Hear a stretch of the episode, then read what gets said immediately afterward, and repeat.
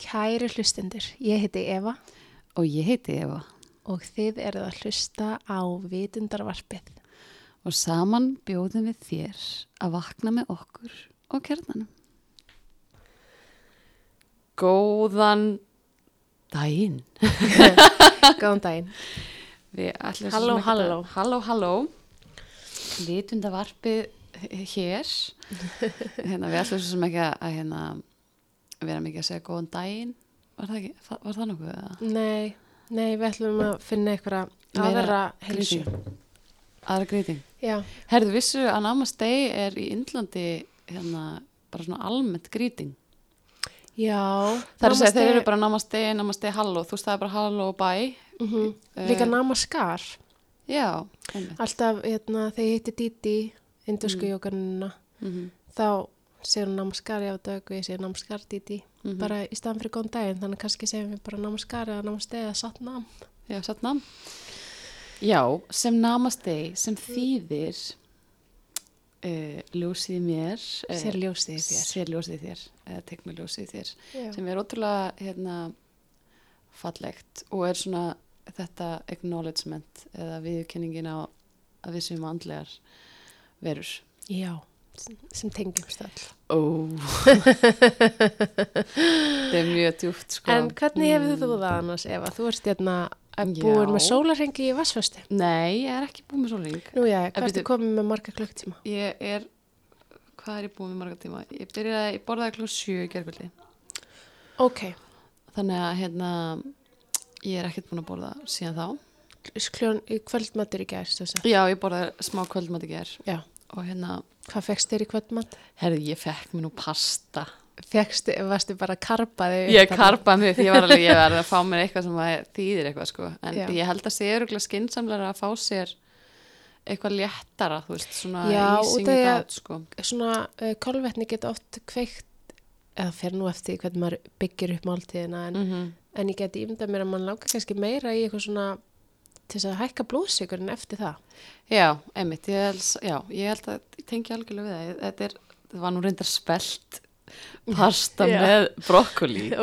ok, ok, ok, ok, ok, þá erum við, það er alltaf. og fersku basi, það var hrikalega gott. Og hérna, þannig að, en, jú, jú, en þú veist, ég held að það sé algjörlega rétt hjá þér, sko. Um, en ég, allan daginn mitt borðaði ég ekki neitt karp að öðru leiti, svona þannig. Nei, ég var já. bara í eitthvað tíagraut og, eitthvað svona, hérna, Ok, svolítið svona léttafæði. þannig að þú ættir að brjóta vassfessina með því að borða kvöldmand í kvöld. Já, og ég reyndar, hérna, þú veist, sko, þetta er svo fyndið, fyndið með þessa vassföstu. Ég, ég hitti bara það sem sagt fjórði dagur eftir nýtt tungl Já, sem að samkvæmt einhverju fræði á að vera eitthvað aðeinslega fýtt dagur já, til að fasta. þannig að það er vaksandi, eh, vaksandi nýtt tungl í sportreka sem Já. er líka fullkomin tími til umbreytinga og breyta venjum Ok, og það er svo gott að taka föstur ef maður er að breyta venjum. ok. Ég er svona bara, hvað venju á ég að breyta ykkur við það? Ég, Ég er alltaf til að vera ofin fyrir að breyta ykkur, veist, hvað, hvað er ég að breyta? um, já, hvað viltu breyta? Já, það er spurning hvað ég upplýsa það, nei. Hérna, já, ég, ég gæti kannski hugsa mér eitt sem ég hef verið lengi verið að uh, vefjast fyrir mér. Já, Mér langar rosalega mikið að hætta tímabundið á Facebook. já, Bæði að því að, hérna, uh, ég er með social media, hérna, fíkn. já, Þú veist, ég er með svona, hérna, ég finn það alveg, að ég, eins og ég var að segja þér í morgun, veist, ég er búin að setja alls konar reglur í kringu social media, brýtar allar. sem er svona gott dæmi um fíknihæðun. Það ekki? Eða? ég held að. Það verður aldrei verið neitt svona hjá þér, að setja svona reglur og svo einhvern veginn er maður alltaf að. Ég veit, þetta er svona ánum sem með kaffi á mér. Núna er ég hægt að drekka kaffi. Ég veit að mér finnst það aðdánu, því það er einmitt líka, það var númið tvö í því sem ég er svona eitthvað, ég veit ekki, ég, þú veist, ég finn að það kemur allt að þessu, sko. Ég finn þetta að ég man þegar ég, ég reykti einu sinni Já, og svo hætti ég reykja, svo byrjaði aftur reykja, svo Já. hætti ég reykja, svo byrjaði aftur reykja, veist, svona yfir einhver lengri tímabil. já, En alltaf þegar ég var að fara svona að hætta reykja, þá Mhm. fann ég það alltaf svona aðeins á undan að byrja þetta svona creeping in, svona creeping, creeping, bara þetta er ekki alveg, þú veist, þú verður svona hæper meðvitaður um að þetta sé einhvern veginn ekki málið. Svona þannig líður mér pínlítið með bæði samfélagsmiðla og með kaffi. Þú veist, það svona ah, er þetta ekki orðið eitthvað of mikil vani í en lífinu hvernig notar þú Facebook?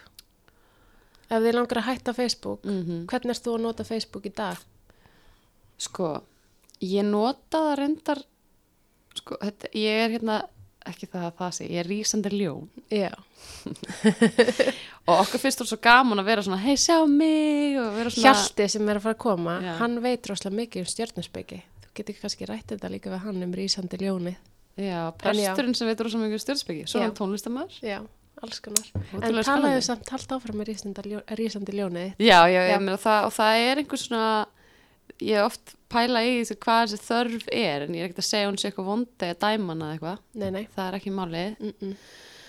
en, en það er svolítið svona, þú veist, er eitthvað undirliggjandi tilfinning sem er verið að reyna að maska, þú veist, það er það sem ég er að, þú veist, það er það sem við veltum svo mikið fyrir okkur og erum svona svolítið að pæla hér líka, skiljur, erum við, er einhver undirliggjandi tilfinning í þessu sem að ég er ekki að, vil ekki finna eða þú veist, er eitthvað sem að ég er að fá veist, er eitthvað negatíft fít á þessu, þú veist, er ég að næra mig á eitthvað ne- neikvæðan hátt, Mm og hérna, þannig að ég er svolítið svona ég er svona, ég, er að það setja þetta undir að þú kosmos ert hérna, ég ætla að hérna, hætta á Facebook í smá tíma. þegar þú ert að hérna, deila ykkur deila Mhm. myndum, deila status deila, eða tala messenger. Mhm. er, það, er það svona ertu að leita eftir ykkur er það það sem þú ert að tala um Já, ekki alltaf reyndar sko. Stundum Nei. er ég bara eitthvað, að því að ég er líka svona de- deilari og svona sérir og hérna, og finnst ég hafa einhver svona samfélagslegan purpose sem ég langar að deila. Já. Og þá er það alveg þá bara er það full, rosa gott verkfæri. Frábært verkværi, Mhm. mm skiljur þá er maður bara svona eitthvað að deila einhverjum opinions eða, eða, eða bara einhverjum uh, einhverjum sem að hérna, mann finnst eiga erindi við fólk og hérna og, og, það, og það líður mér ekkert svo leið sko, en það er bara svona ok, ég meina ég hef alveg reynd að vera alveg, ok, ég ætla ekki að posta í viku. Já, og svo er alveg þrýr dalinn og ég er alveg, ok, ég verð að posta núna. Já, veist bara, er, er eitthvað búin að gleyma mér? Já, Ég já veist, það er kannski eitthvað þannig. það er ekki þannig tilfinning samt sem kemur, ég er bara svona að reyna að leita að því hvað það er sem er að Já. stýra því. Og svo fyrir utan bara Facebook er orðið eitthvað, veist, ég er orðin bara mjög hrætt við það sem, sko ekki hrætt við það en mér, það er farið að ógna líðræðinu á eitthvað svona undarlegan hátt. Já, og þeir búa yfir sko stærsta gagnasafni heims, þeir væri sko stærsta land í heimi, það er miklu stærna Kína, ef þú tekir alla nótunduna saman já. og þú veist, valdi sem Mark Zuckerberg hefur er svakalegt það er, þú veist wow, sko, þú veist, ég myndi ekki vilja fokki Nei. Mark sko. er hann á hann konu veistu það?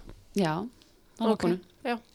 hvernig er hún? Ég veit ekki, ég var fara að googla hvernig konu sem Mark Zuckerberg er. hún þarf að vera með eitthvað gett einhvern sérstökum hæfileikum, sko Já, eða þú veist, ég veit það ekki.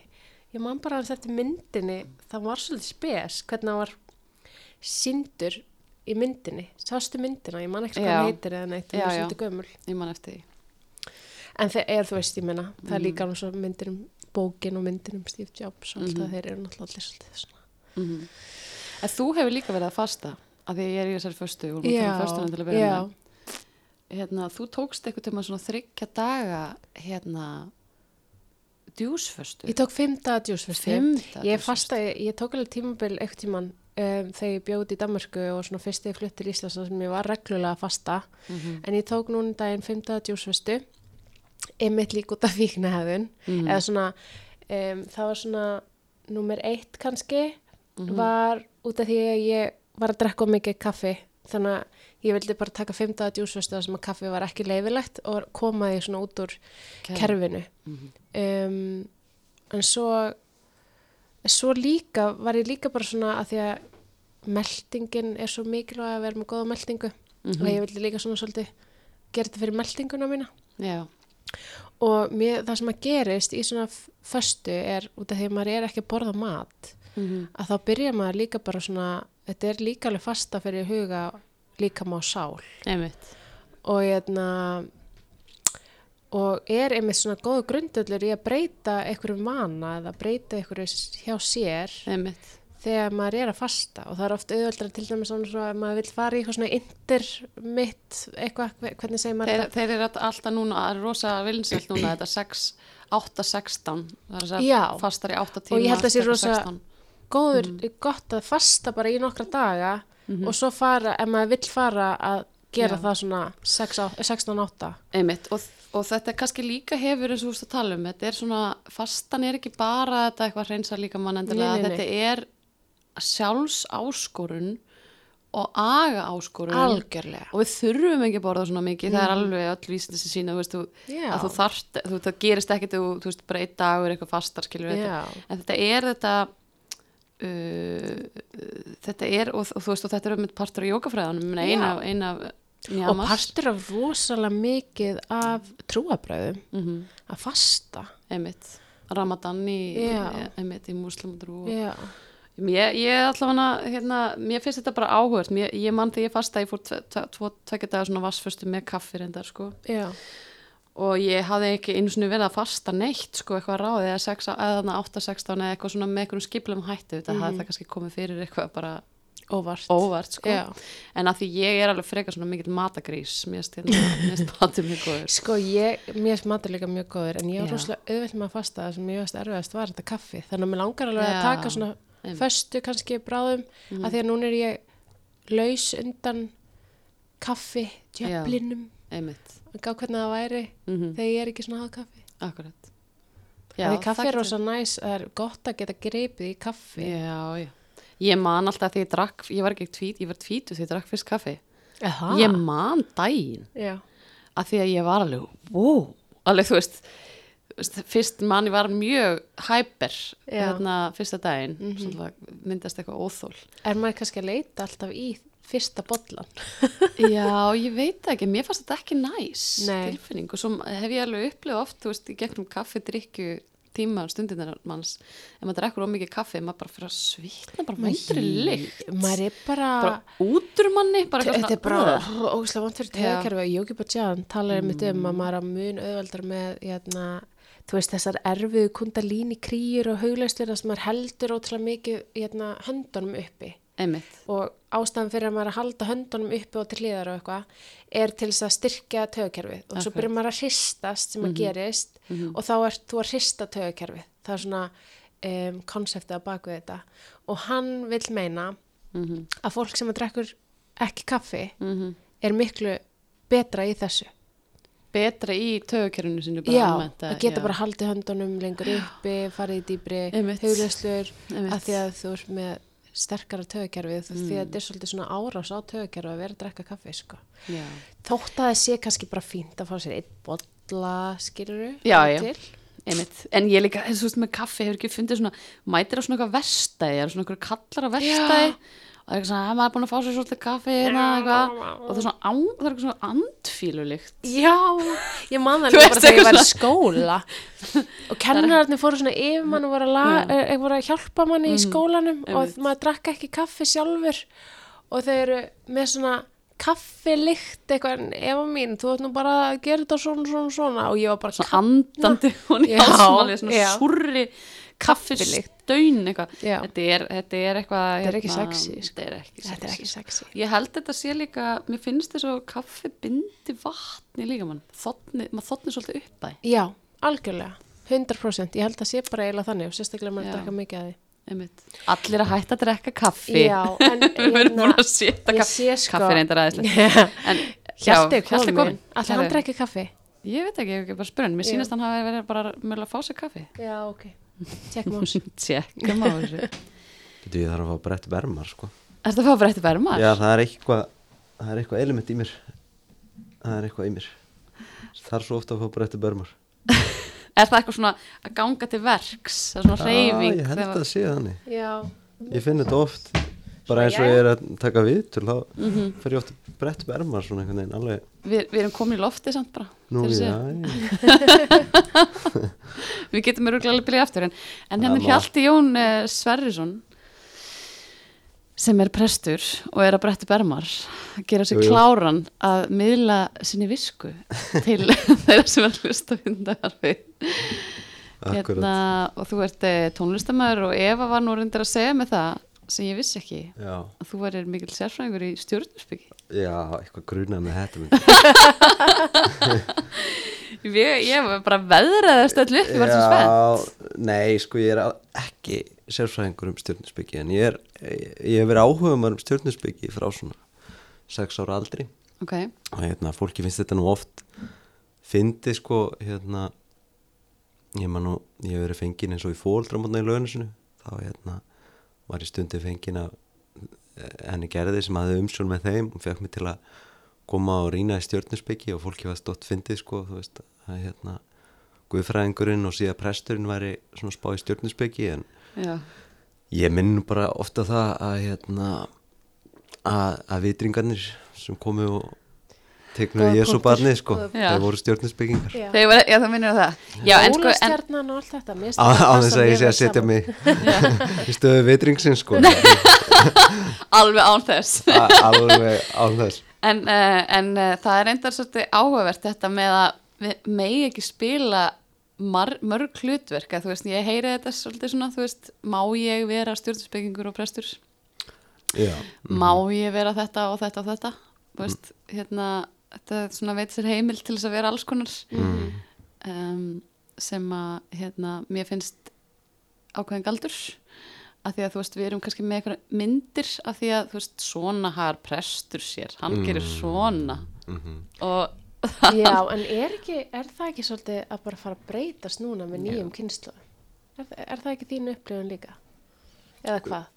mín upplöfun Já, mm, jú, ég myndi svona mín, mín upplöfun sé svona já og nei, ég held að þetta sé kannski svona sístætt mannlegt vandamál að við viljum hóla veruleika niður. Já, það hjálpar okkur.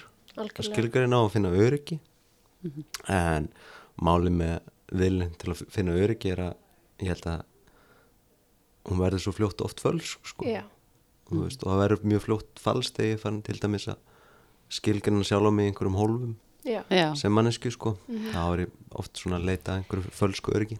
Ég var að En, hugsa eh, hvort þessi meira á Íslandi að því að við búum á svona litlu landi sem margir þekkja hvern annan eða núna ert þú hérna, að austan, Fellabæ, Mhm. ekki Fellabæ. Það er ekki, ég nákvæmlega með alltaf henni. Þú ert Ég er alveg búin að gera background já, greinilega, wow impressíft ég man bara hvernig þú nú með hvað og hvernig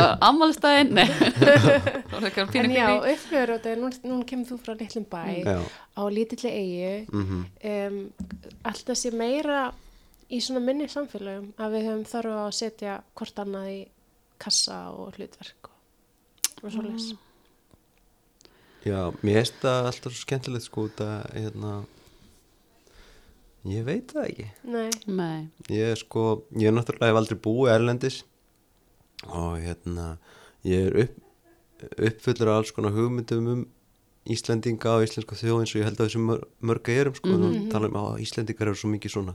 Já, og hérna og ég veit það ekki, þú veist, ég er svolítið re- svona að reyna þú veist reyni að forðast þessar skilgreiningar Já. sjálfur sko. Um, og, og varandi ég held einmitt sko að finna leif og finna frels í eigin, eigin lífi mm hérna það er bara svo oft það er einmitt, þú veist, hvað sögu er ég að segja sjálfur mér? Mhm. og hvar finn ég öryggi mitt? Mm veist, hvar er ég að staðsetja öryggi mitt? Og, og hérna og er ég í þeim tengslu sjálfur mig, ég hef rými til þess að vera sko, þú veist, óhað eh, hugmyndum um status eða hérna hvort dagurinn í dag var meistarverka eða mistök eða hvað það er. Og ég held að það svona, það allan ekki, ég finn hjá sjálfum mig bara, þetta ég getur alls konar slóðu með þetta að það hefur rosalega áhrif á hvernig ég upplifi það hvort að hérna ég sé að upplifa einhverja pressu og vera einhvern veginn eða ekki sko. Já, ég skil. En sko, segðu okkur segðu okkur það hérna, hvernig uh, gerðist það að ungu maður á eilstöðum ekki Eh, eilstöðum, fellabæ. Fellabæ, Fellabæ. Mm. svo við höfum þetta hreinu að hann uh, ákvað það að gerast prestur. Já, akkurat, sko þetta er hérna svona origin sagan Já, var- við viljum, viljum Já. öll eh, vita þessa sögur sko. Já, akkurat, þetta er nefnilega það sem fólk vil yfirleitt vita Mhm. og, og mér er svo áhugað sko að ég var að hugsa um sko með narratífur og með sögur Mhm. Veistu, þetta, við erum alltaf við erum alltaf að segja sögur því að það hjálpa okkur og það er þjón okkur Mhm. skilur bæði sjálfum og vonandi öðrum eitthvað en svo er alltaf svona spurning þú veist hver er sagan í raun og veru Út að ég, ég er hann svo vanur að segja þessu sögu mjö, bara mjög oft sagt þessu sögu. Já, Já. fólk eru þetta mjög áhuga samt um þetta. Þannig að ég er svona ég er alltaf svona að staðsett sjálfum mig í kökunum býtu, þú veist, hvað er ég stattur gafkvært þessari sögu í dag? En ef að fara í söguna samt. Já, fyrir mig svona, venast að mér finnst það áhugavert líka út af því að kirkjan er á svolítið svona skrýtnum, ekki skrýtnum stað en, en það er sérstaklega í, finnst mér í minni kynslu og kynsluðinu kannski fyrir neðan e, það er eitthvað stigma á kirkjunni kirkjan er síðan sem einhver stopnun sem að er, hefur einhvern neikvæðan blæ yfir sér hjá mörgum hópum og það er svona skilur, það er svona þetta hérna svona kannski leiðin þín að því að fara þangað. Já. af hverju, já, það var bara áhvert að vita það, því að, að því að sko, allan í mínum huga fannst mér kirkjan einhvern veginn vera einhver óspennandi stopnun sko, þegar ég er að þegar ég er að alast upp ekki svona, Mm. ekki vera staðurinn þar sem að maður gæti mikið verið í samtali við Guð sko. Nei, já, kirkjan þykir ekkit kannski mjög hip og cool sko. Eh, það er ekki svona new age. Nei, það getur rosa spennandi. Málið er sko, Nei. hérna svo tölum aðeins um þetta stigma og það, það er, ég held bæði sko, það er, e- það er eitthvað sem gerist inn í mér þegar fólk tala til minn til dæmis mm. bóða þetta já, það bara, það umturnast eitthvað. Og það er bara svona, það pingu styrlast eitthvað í mér. Bara, ég höndla ekki þegar fólk tala til minn bóða þetta ég held að fólk hafi svolítið upplifað kirkjuna sem stopnun í bóða þetta í gegnum tíðina.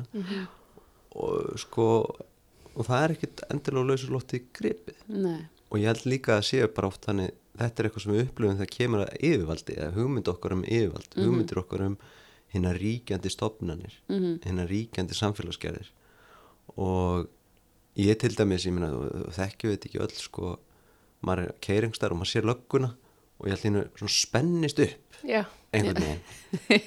Já, jú og svo ég segi, það er, hva, það er ekkert að mér. Nei. Ég er ekki að er gera neitt þetta er, þetta er svo rétt. Með þess að sko, pappi minn hann er lögga og ég ætti að vera svona svolítið örug í einhvern veginn, ég veit það ekki.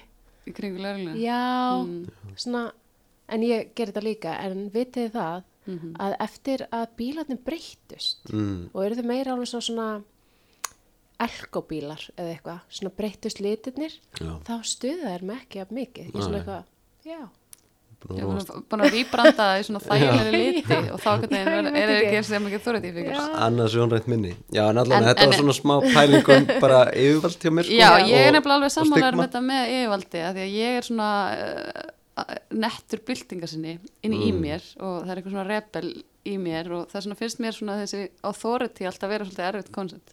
já, já, Það er að segja að einhver er að segja mér eða vill eitthvað svona þú átt eða eitthvað svona meiri hluti eitthvað svona, þú veist. algjörlega og þegar ég byrja að læra, ég er alveg að fara í söguna sko. Já, nú, nú er það ég er, En spe ég er spennt, sko, ég að er á segja- sætisbrúninu. já, já, já, ég, þetta kallast að byggja upp spennu Já, en Við, maður er alltaf að predika þannig maður er vanur þessu sko er allir á sætisbrúninu að býja eftir prétikuninu þegar aðeins kemur? alveg, gríðileg spenna oft í löguleysinu Nei, hérna, það sem ég ætla að segja líka er þetta, þú veist, ég tengi algjörlega við, svona hennar fyrirvara gagvart uh, sko yfirvaldi og gagvart hérna já, svona gagvart búðum og bönnum og ég fann það svo sannarlega fyrir mér inn innra með mér. Og þegar ég byrjaði að læra guðfræði sjálfur það var svo áhugart ég hafði mestu fórdaminni sem ég mætti þar sem ég var að læra. Guðfræði og læriði líka hérna trúbræðafræði og voru einmitt gagvart íslensku þjóðkirkjunni. Mhm, og mínir fórdóma voru mest gagvart kristnu tungutæki. F- ég gætt heyrt fólk verið að tala um hérna prana í tengslu við jókisk fræði og ég var bara alveg, já, æði sko, mm -hmm. já, en stert og hérna svo að tala um að ég var að læra hérna í kýminskum trúabröðum og, og var að kynna mér aðarspekjaðir og bara að tala um chi, hérna, lífsorkan. Lífsorkan og maður bara, vá, þetta er ótrúlega vá hvað þetta er stert og, Tí. og spennandi. Og svo exotíst og flott. svo fór einhver að tala um heilan anda og ég var bara wow, wow, wow, Já. rólegur sko, rólegur. Ég er ekki nöttir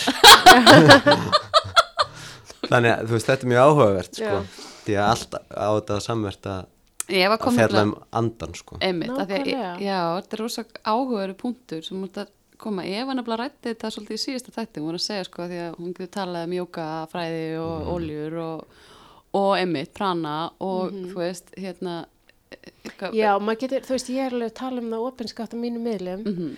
um, en ég tala ekki jafn opinskátt á mínum samfélagsmiðlum um, um æðri mátt eða þú veist, bara til dæmis í gær þá var ég að kenna um Þetta er, já, niyamas Mhm. sem eru svona pínis og bóðorð eitthvað í jókafræði og, og síðasta niyama er að, að bara taka, eða, þú veist, að sleppa og treysta og treysta aðri mætti og að sé eitthvað stærra heldur en þú sjálfur.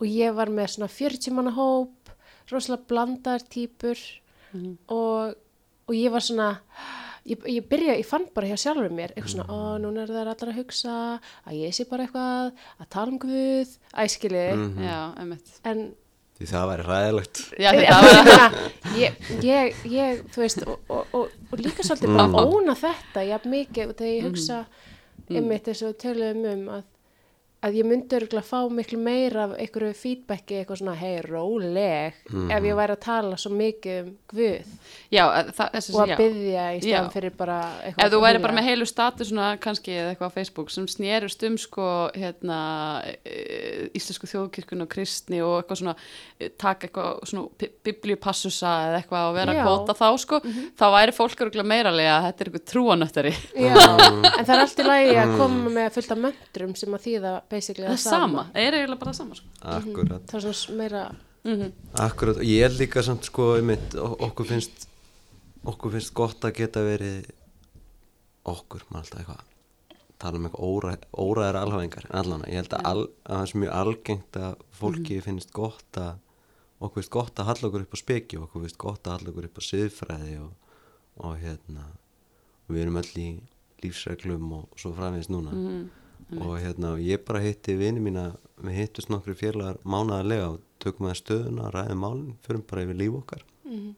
Alveg frá aðtilu og svo gefum við hvora öðrum svona punta og hugleiðingar. Mm, og hérna það sem ég fekk núna og mér er svo ótrúlega gott og gott að geta talað um það og það er mest oft áskorun er það bara að leiða mér að vera trúmaður? Já, nákvæmlega, bara já, ég er trúmaður já. Já, í staðan fyrir að skam ég, sko, ég, að vera ekki skamma sín fyrir það hver maður er veist. Já, akkurat sko.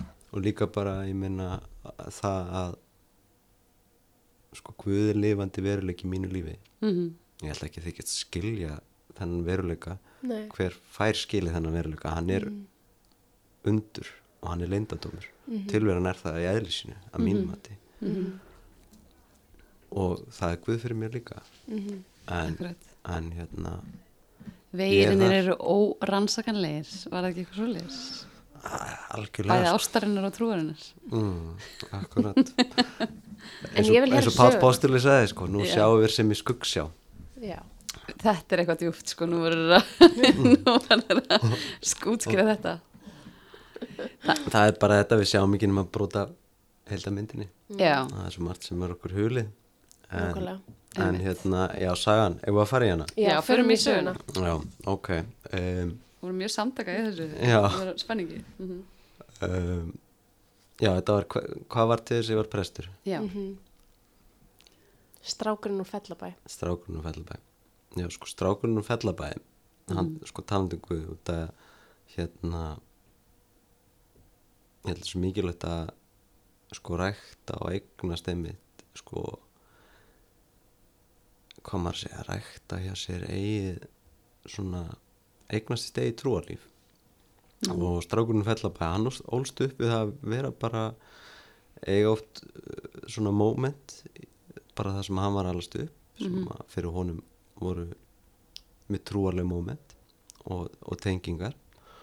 Og hérna og stundu var það bara þegar hann var að horfa á törlis Mm skiljiði, þetta er bara törlis æði ok, en, en getur líst því eitthvað hérna, hvernig á maður trúarlegt aha-moment þegar maður er að horfa á Turtles Já, mér oft með þessi trúalegu móment út af þau eru svo abstrakt sko, þá er einhvern veginn ef maður fer að reyna að útskýra það of mikið þá finnst mér að einhvern veginn mér finnst það ekki fungera sko. Nei, ok. ég held ég leifi þessu bara líka með- þessu verið misti Já, ég líka er svona verið ákveðin bara svona helgi barsins mm með því Ok. held ég ok, uh, hérna, en allavega já uh, long story short uh, sko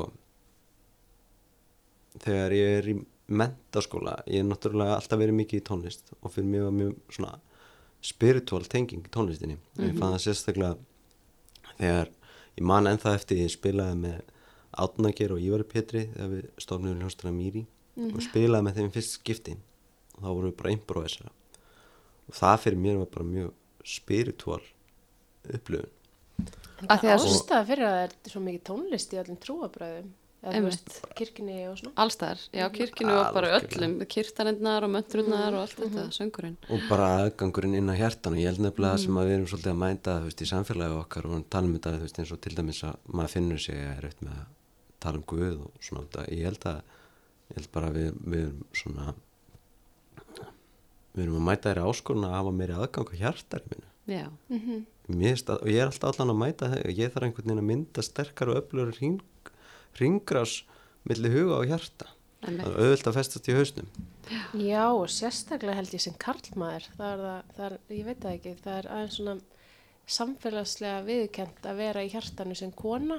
mm. En um, karlar eru oft kannski aldnir þannig upp að það er ekki alveg jafn mikið í lægi, svona, stattu þig, strákur, hættu þessu væli. Mm. kannski kannski, áhugavert en ég, já áhugavert það var hægt að ég er þetta sammála meira. þessu sko algjörlega sammála þessu sko mm. að það er örgulega erfiðara fyrir kallmenn að vera opinska, ef, sko, ef við tengjum tilfinninga við hjartað, Mhm. það er að segja Já, og eitthvað svona berskjöldun eða, eða, eða eitthvað sannleik eða eitthvað svo leiðis þá held ég að það sé erfiðar að þú veist, ég, það hlýtur að síast inn í kallmennum að þú ert eitthvað svona þú átt að vera dulur og átt að vera svona, átt að gera þetta. Já, og þú átt ekki að þú veist, átt að vera sterkur jafnvel þó þú sért það ekki. Já. að þetta hlýtur að síast inn. Er áhugavert. ekki eða? Þetta er ekki sammála? ég bara er, ég er að hugsa. Já, ég er að hugsa ég er bara, ég er að hugsa margt núna. Ég næ ekki að svona alveg að halda utanum allar hugsunum þannig ég ætla ekki að byrja að tala. Nei, ok, en það gæti við verið að að við eigum heldur kannski ekki að vera að skipta þessu svona kynja, kynja þú veist, kannski eigum við að fara út úr því einhverju tímpandi ég, já, ég, eitt af því sem ég fór að hugsa núna maður sé bara hérna maður sé, mér veist, margt í henni feminísku baratu núna, einmitt snúa um, um það að fá að eiga hjarta og huga í senn. Mhm. Einmitt. Mér finnst það snúast margt um það. Þannig að ég held að séum öll að ég held að séum öll að eiga í lífsbaratu Mhm. at the end of the day. Algjörlega.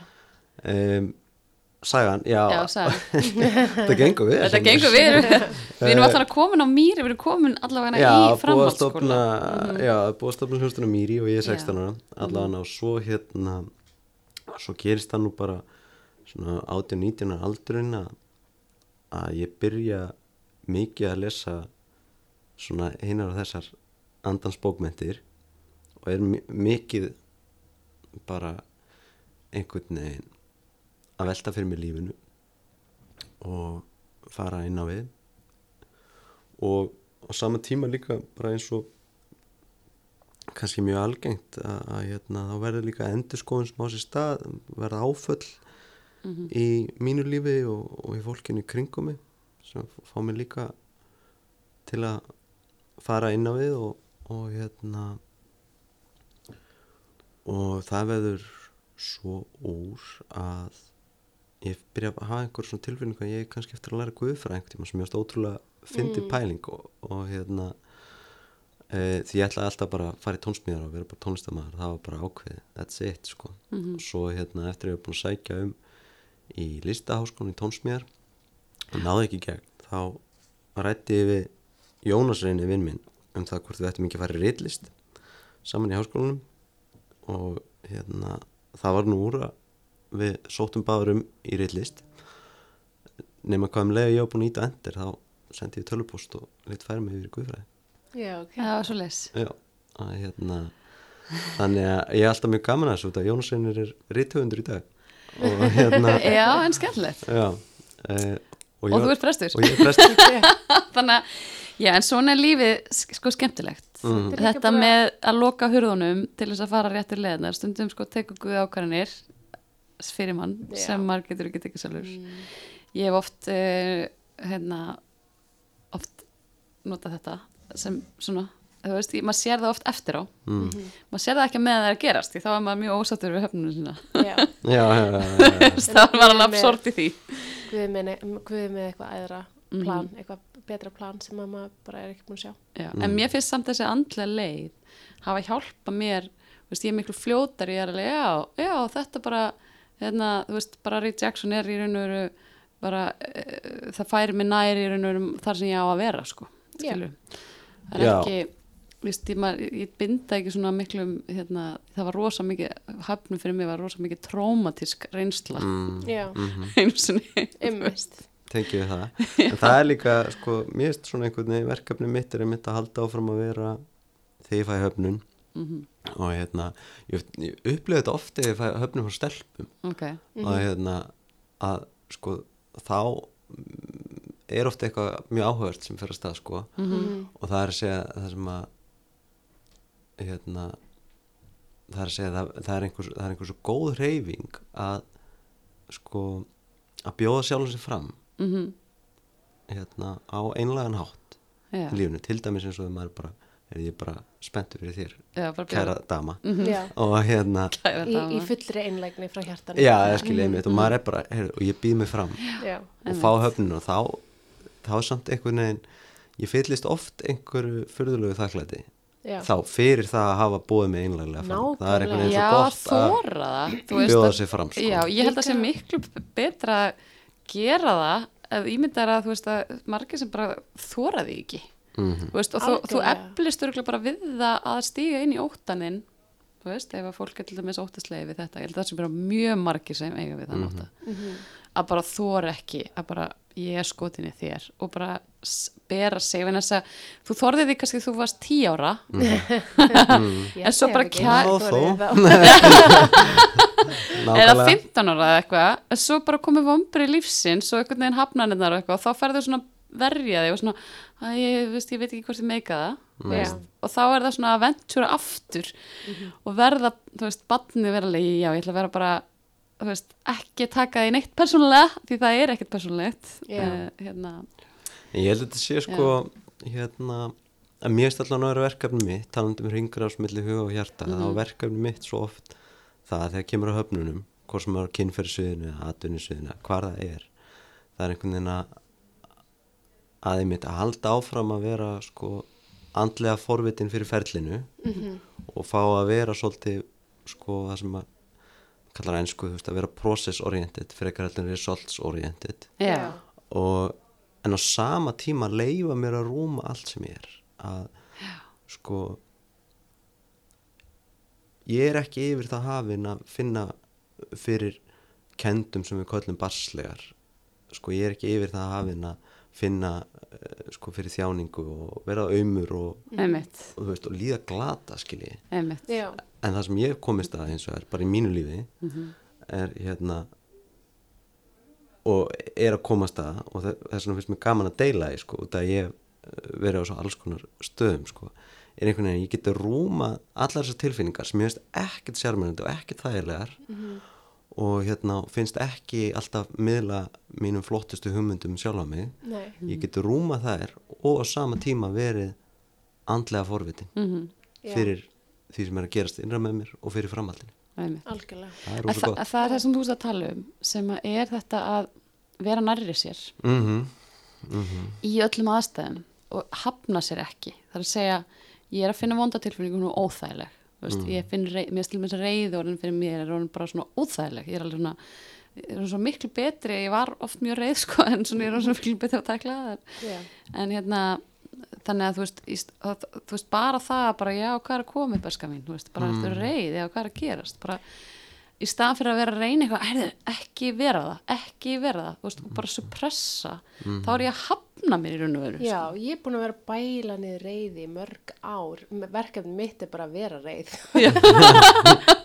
bara ég má vera Ég reið. má vera vera reið. ég samþykki mig þó ég, þegar ég er reið af því þú veist, af því mann langar að vera úslega huggulega og næs þetta bara, það er eðlilega þú veist, maður, það er náttúrulega sá sem maður er í rauninu grunninn en, en svo kom alls konar svona, þú veist Já, sko reyði, stundum eðlileg já, ég held að reyði sé hérna reyði náttúrulega mjög skapandi tilfinning. Já. og það er mikið reyfing í reyðinni þegar ég er reyður þá ólgar að allt inn í mér og ég vill einmitt, þú veist það er órói sem fylgin, ég vill reyfingu Já. þessi því er sköpunarkraftur. Já. og hérna en hins vegar þetta verkefni með reyðin eins og allt annað er að veist, ég neyðist bara því miður til þess að taka ábyrgð á mér líka þegar ég reyður sko.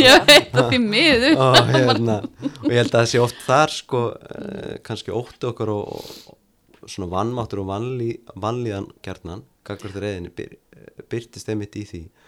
Eh, sko, það er svo ótti. Get ég umgengst reyðin mína á skapandi hátt þar sem ég gengst við henni og leifi henni að fá viðegandi útrás -hmm. og á sama tíma verið sko ábyrgu gagvart mér og öðru fólki Einmitt, viðeigandi útrás er rosalega góðu punktur en þess að þú veist, fólk getur alveg gert alls konar reyði sem er mjög óviðeigandi Akkurat, og svo sko. þegar þeim líður, man, ég hef alveg bara gert það sjálf sko, svo er- bara rennur reyðin og þá bara einhvern veginn, hérna, þú veist var maður alveg, hvað Já, í fullkomni stjórnleysi. í bara. fullkomnu stjórnleysi sko, þannig að já, þetta er mjög interessant en, en hérna þú varst að tala um eitt áðan, hérna að ég nú manni ekki en, En þú varst samt allavega ekki bara- komin í, þú ert ekki búin að klára söguna Þú fórst í Guðfræði. Já, ég fór í Og Guðfræði. varstu svo bara strax prestur. Nei, nei, nei, nei, nei. Ég fór í Guðfræði, ég ætlaði að læra Guðfræði eitt ár Mhm. og hérna halda áfram að meika það gekk ekki en hérna e, það segir bara fyrir hvernig lífið leiði mann áfram sko. ég enda á því að ég lærði Guðfræði semst fjögur ár straight, svo tók ég pásu Mhm. og ég var búin að ákveða það að semst, þá færði ég mig yfir master í trúabrafræðum þetta var hausti sem byrjaði að vinna í launaskirkju Mhm. 2013 og þá var ég búin að ákveða að ég erði ekki prestur og hérna og meðal hans spiluðu þar inn ég mitt svona fordóma mín í kakvart þjóðkirkjunni og, og líka efasendur ég held sko, ég held ég væri hérna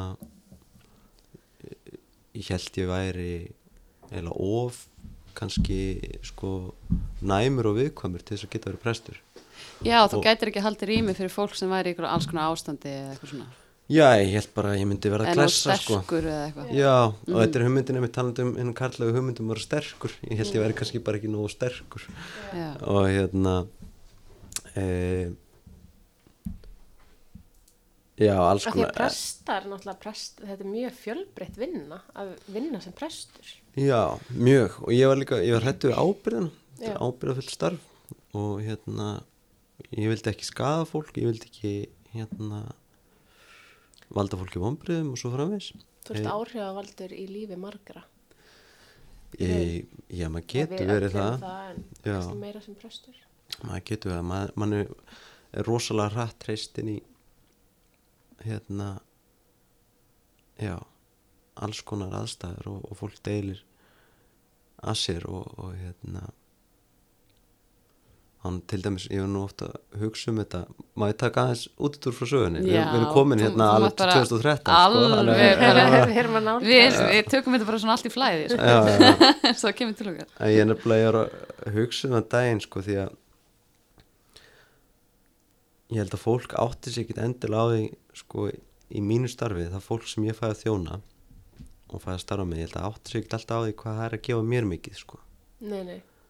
fólk mæti til mín í viðtöl og, og hérna og það er að segja uh, hluti og, og það er að spretta frá því viska sem að, sem að þjónar þeim sem að þjónar mér og þjónar öllu samingi þeirra áfram er að segja tengslanitinu þeirra og þeirra fólki og það er svolítið magna og, það gerist einmitt út að það sem við reynum að, að, gera þá í saminningu ég og fólkið sem að ég er að þjóna í tilteknum aðstæðum sem að kom til mér fólki viðtal er að við erum að reyna að skapa traustur rými saman. Og í traustur rými þá sprettur bara svo margt fram og það getur orðið svo mikil heilun og getur orðið svo mikil bati og getur bara orðið svo mikil fegur mhm, og, og getur orðið svo, líka svo mikil rými fyrir sásöka að fá svæði. Einmitt þess að fá, fá pláss. Mhm. talandi um reyðina Já. Mér finnst, já, einmitt. og til dæmis þá bara hérna út á tala um þetta áðan ef að vera nærri sér og hérna ég, það var nefnilega maður sem kom til mín í viðtalum daginn og, og hann var að segja mér sína sögu og eitt dag sem kom fram þar var ég einn dag þá var hann að setja svo mikið fókus á það, svo mikla áherslu á það að vera, vera nær sér. Mhm, og þetta fannst mér ótrúlega fallett og mér finnst þetta svo fullkomi orðalag og það í þessu er ekki uh, sko það er engin samkeppnisorka í þessu nei það er ekki hérna það er ekki einhver ég ætla að vera besta útgáðan á sjálfu mér Nei, nei, nei. pæling Nei. áslæðin er ég ætla að vera með mér ég ætla að vera með mér þar sem ég er stödd sem manneskja Mhm. og það finnst mér ótrúlega stert Mhm. og hérna þannig ég fæ að vera mér- þakkláttur í já. mínu starfi mjög Já. oft, Mhm. mjög þakklátt En líka bara til dæmis þetta með að vera besta útgáðan á sjálfum sér, það er svo mikið eins og segir, svona samkeppni og þá bara svona, ef ég er ekki besta útgáðan á sjálfum mér, þá er ég ömuleg. Eða Já, skilur, já, þetta Þá getur maður verið svo reyður vissi að því að maður er ekki að standa sér nú vel og Mhm. maður er ekki eitthvað þannig. já, hver Þetta, þetta er þetta mástu að ég vorum að tala um það. Lifa og njóta, best útgána sjálfur sér. Já, ah, Mm. Þessi orka sem er ekki allir er máli rosa, rosa erfitt. Eh, og þetta er líka þetta er, eh, svona mínum augum þá finnst mér að sjá eh, sko neyslu menningun okkar byrtast já, þegar hugmyndin um hamingju orðin að við sem í hamingju neyslu Já, uh, í staðin fyrir ok. að vera í að, Ég hef ekki heyrt það koncept, að, mjög skemmtilegt. að það sé bara veruháttur. Hamingju sem fólkin í að vera. Mér finnst alltaf mjög fallet heimspekingurinn, heimspekingurinn Gunnar Hersveit hann talaði um að hamingjan væri svo hamur.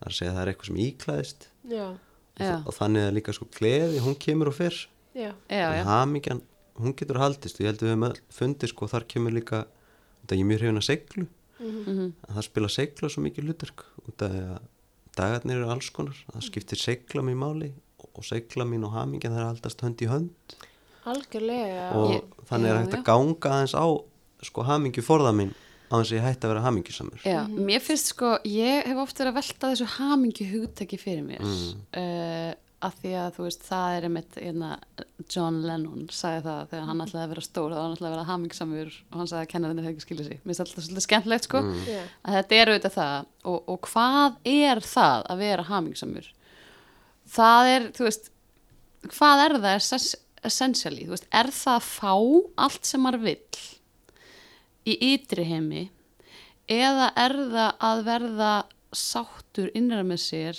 í hérna, þú veist, að því að mér finnst þetta oft sko fattaru, þú veist, allt í innu fór sko leit, að mí- mín að hamingju fara að snúast um eitthvað annað heldur en leitin að hamingju, fór að snúast um uh, eitthvað að leita sannleika eða eitthvað svona að leita einhverjum ég skilur við hvað ég á þetta en svona, þetta er líka bara svona partur að því að vera ekki, um, þú veist, í þessari næju semi já, og vera alltaf að leita ykkur betra mhm, og ekki að vera þakkláti fyrir það sem er. einmitt, því að þakklæti og næjusemi er svo mikill líkill að hamingju. Einmitt, og það að vera heilna manneska sem er næ, nærri sjálfum sér er líka bara að hafa tilfinningar og leifa sér að vera hamingjusamur, já, glaður og leiður. Og ef þú getur ekki verið leiður þá getur ekki verið glaður. En að, að upplifa tilfinningarna sínar djúpt og eins og þær eru þú getur ekki verið fully alive, ef þú leifir þér ekki að fara alveg inn í satnið sitt, þá Já. getur ekki bara að elska einhvern veginn alveg, þú veist, Nei, þú það þú ert alltaf að afnita einhvern hluta Já, að- þú ert alltaf að afneita því eitthvað svona, nei, ég ætla að vera hamingsum, ég ætla ekki að vera í vondu skapi eða eitthvað svona, Mhm. þá, þá, jötna, þá upplifur heldur ekki hamingju fullt, Mhm. eða þú veist svona til fulls. einmitt Þetta er samanlega þessu. Sko, það er bara svo snemm morgun ég er ennþá að drekka kaffi Nei, hérna, En ég algjörlega nefnilega- ég, Var verið hérna, að predika bara langt fram á nótt.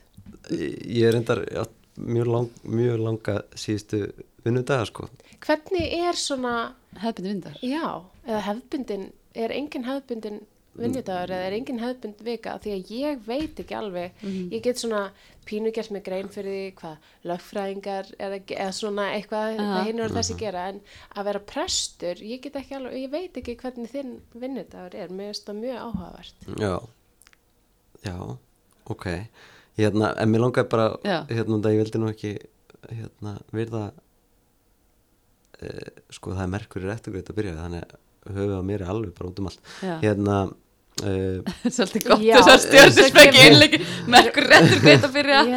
Er það, er það, þryggja vikna merkur í retrogreit? já, það, það, það byrjar í dag sko. Og- Eh, hérna, og það er, við erum í Scorpio season þannig að Já. að vera eitthvað Það er alls konar svaka sísón, Já. tólta húsið mitt sko alveg Tólfta hús uh, hérna Það er að fá að vita hvað stjórnumerkið verðt samt, þú verður að segja eitthvað frá því. Ég, Já, ég er krabbi. Já, ok, en hvert er Ísandi? ég er rísandi bóamaður Ok, Þetta- er það bæði vassmerkið eða? nei, bóamaður tunglum mitt er Vassberi mm Bóamaður Ég heiti er- Siggu Klingenberg, ég var að skýra um daginn. Já. og, Sig, og Sigga var í skýrninni og ég svona gekk upp að henni og ég kynnti mig með að segja sólamerki og hvað ég verið rísandi. En fannst það algjörlega logist strax. Það sáðum það alveg, hún var alveg, já, ég sá þetta allt fyrir. En hérna já, það sem ég ætla að segja samt bara sko varandi hamingjupælingan, ég held einmitt sko þetta hérna einmitt, þú veist að, að vera með sér, það er einhvern veginn þar sem hamingin er, ég var að gifta fólk um daginn og það var að tala um að hamingja fyrir sig var einhvern veginn, þau eru sko með lítið badn Mhm. og það er bara það er indislegt, það er líka alls konar áskorunir og Mm. takmarkaðu svefn og, og svo framveg sem er bara sem er bara margt sem er bara rosalega sko bara líkamlega erfitt Já, Já. já, ég bara álag sko og hérna og þau voru að tala um sko kaffibóllana mótni til Já. og sko já það er einhvern veginn hamingjan sko. Við vorum að tala hérna um að hætta að draka kaffi í morgun. Nei, sko hamingjan var klárlega kaffibollin á Já, hjá mér já. og svo er ég hægt að drekka kaffi já að- sko, eða bara Svona endurskilgrunum var það sko. var Já. það var kannski ekki endilega kaffið sjálft En sem skiptið máli það var, mómentið. Já, og kannski eitthvað sem er, þau deila saman og, já ég held að það sé tengsl sko. Já. Einmitt að vera í tengsluðin sjálf og sig að vera viðstættur eigin líf Já. og að leitast við að vera órófin í sínum tengslum tölum um tengsla þrýrningin óróin einmitt tengsl mín við sjálf og mig, tengsl mín við aðra Mhm. og tengsl mín við Guð eða æðri mátt, æðri veruleika Mhm. tilgang, hvað sem við köllum það Mhm. og hérna og ég held að þegar, þegar við finnum okkur með okkur í þessu ekki endilega gangi allt vel. Mhm.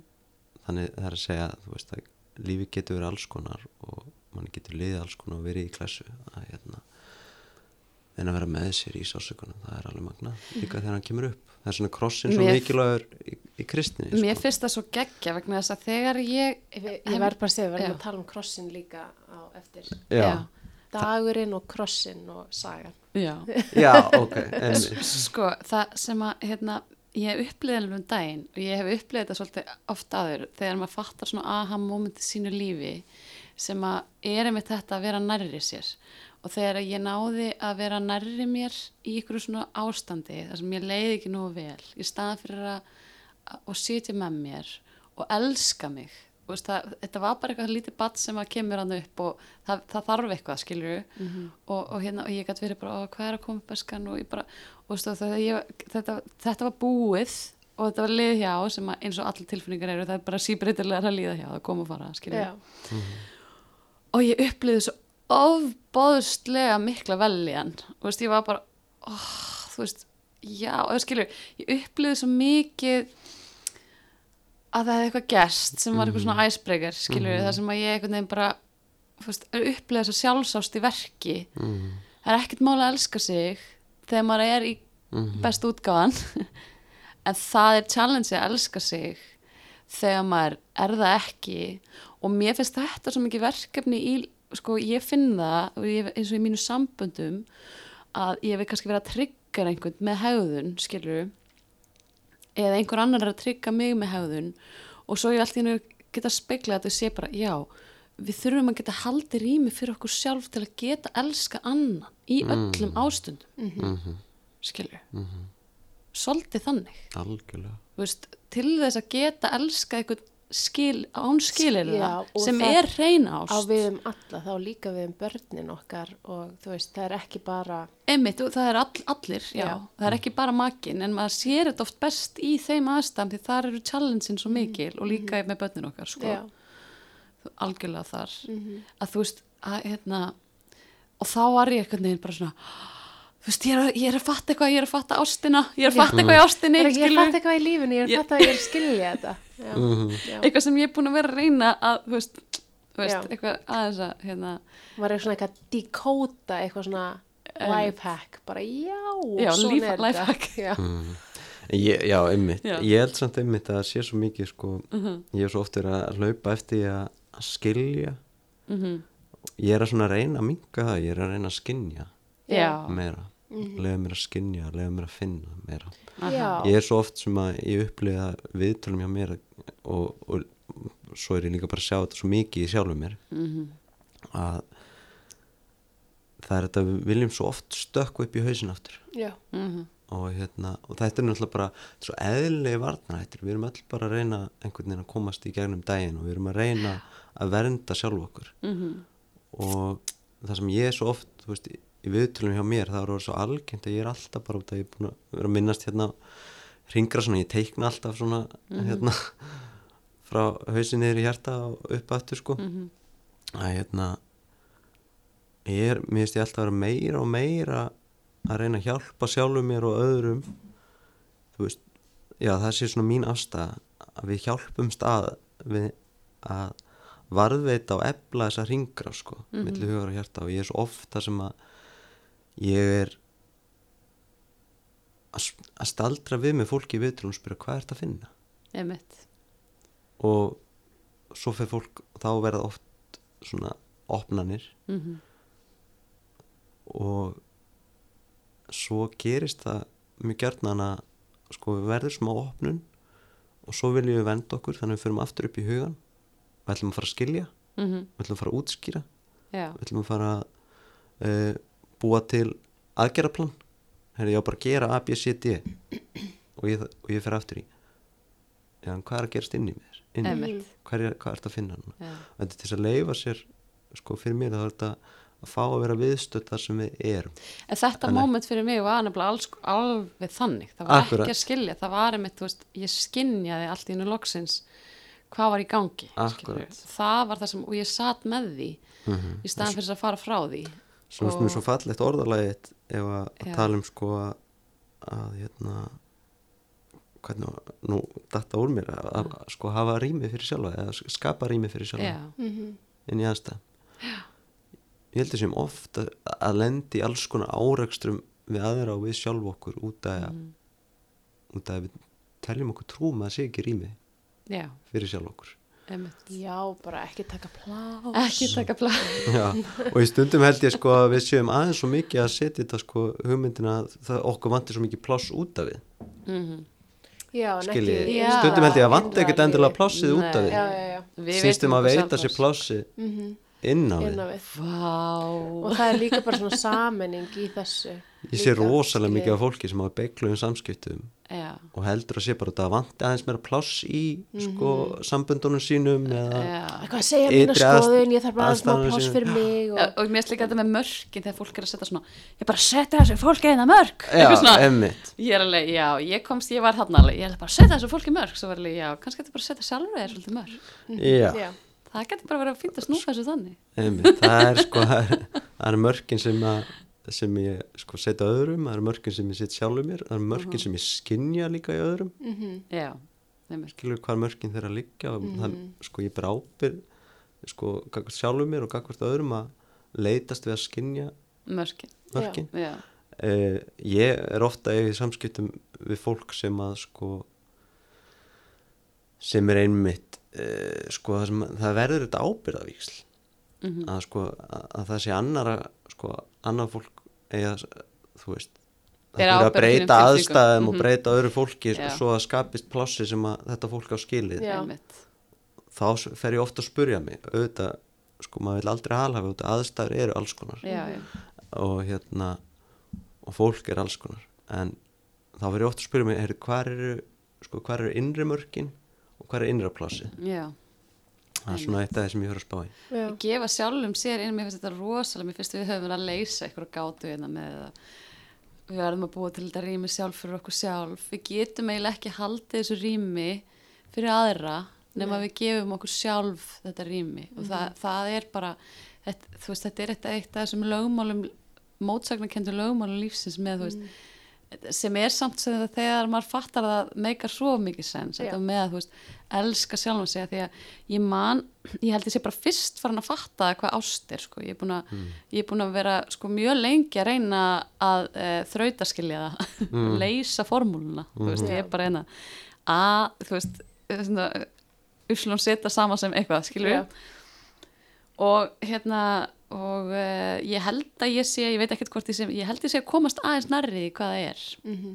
og það var bara mjög einfalt að það var ég held að hafi falist meira í því að bara, herru, hættu fara að setja þetta hingað í þig og hérna taktu það eksperiment uh, og sjáðu bara, skilur þú veist, hérna, hvort þú skilir þetta ekki betur.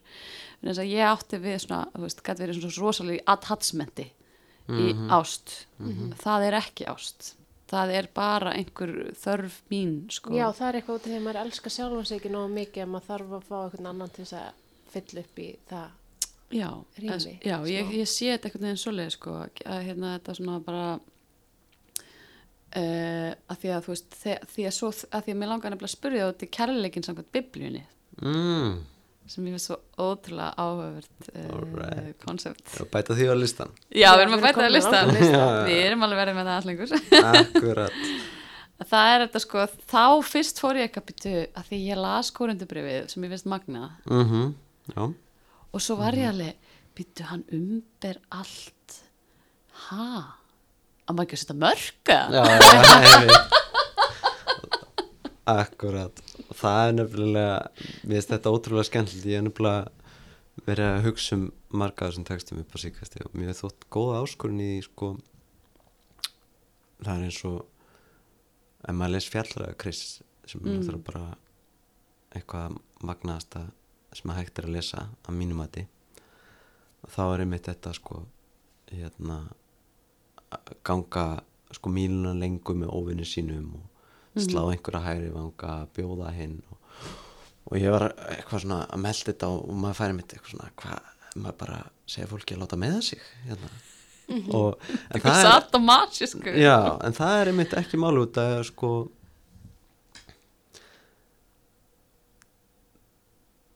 það sem ég upplifa eins og í persónu Jésu Krist er það að hún tekst að fara í gegnum að miðla sínum bóðskap og fyrir gegnum sína lífs- og þrautagöngu órofin það þýðir að hann er alltaf valdeldur.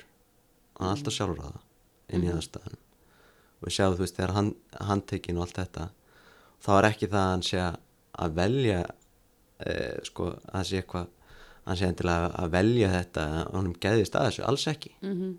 sjá að hann sko grætur í grasagarðinu og hann handtekinn. Talandum að vera sannu guð og sannu maður sko. Hann grætur og hann finnur fyrir hugð og finnur fyrir sásöka og ángist.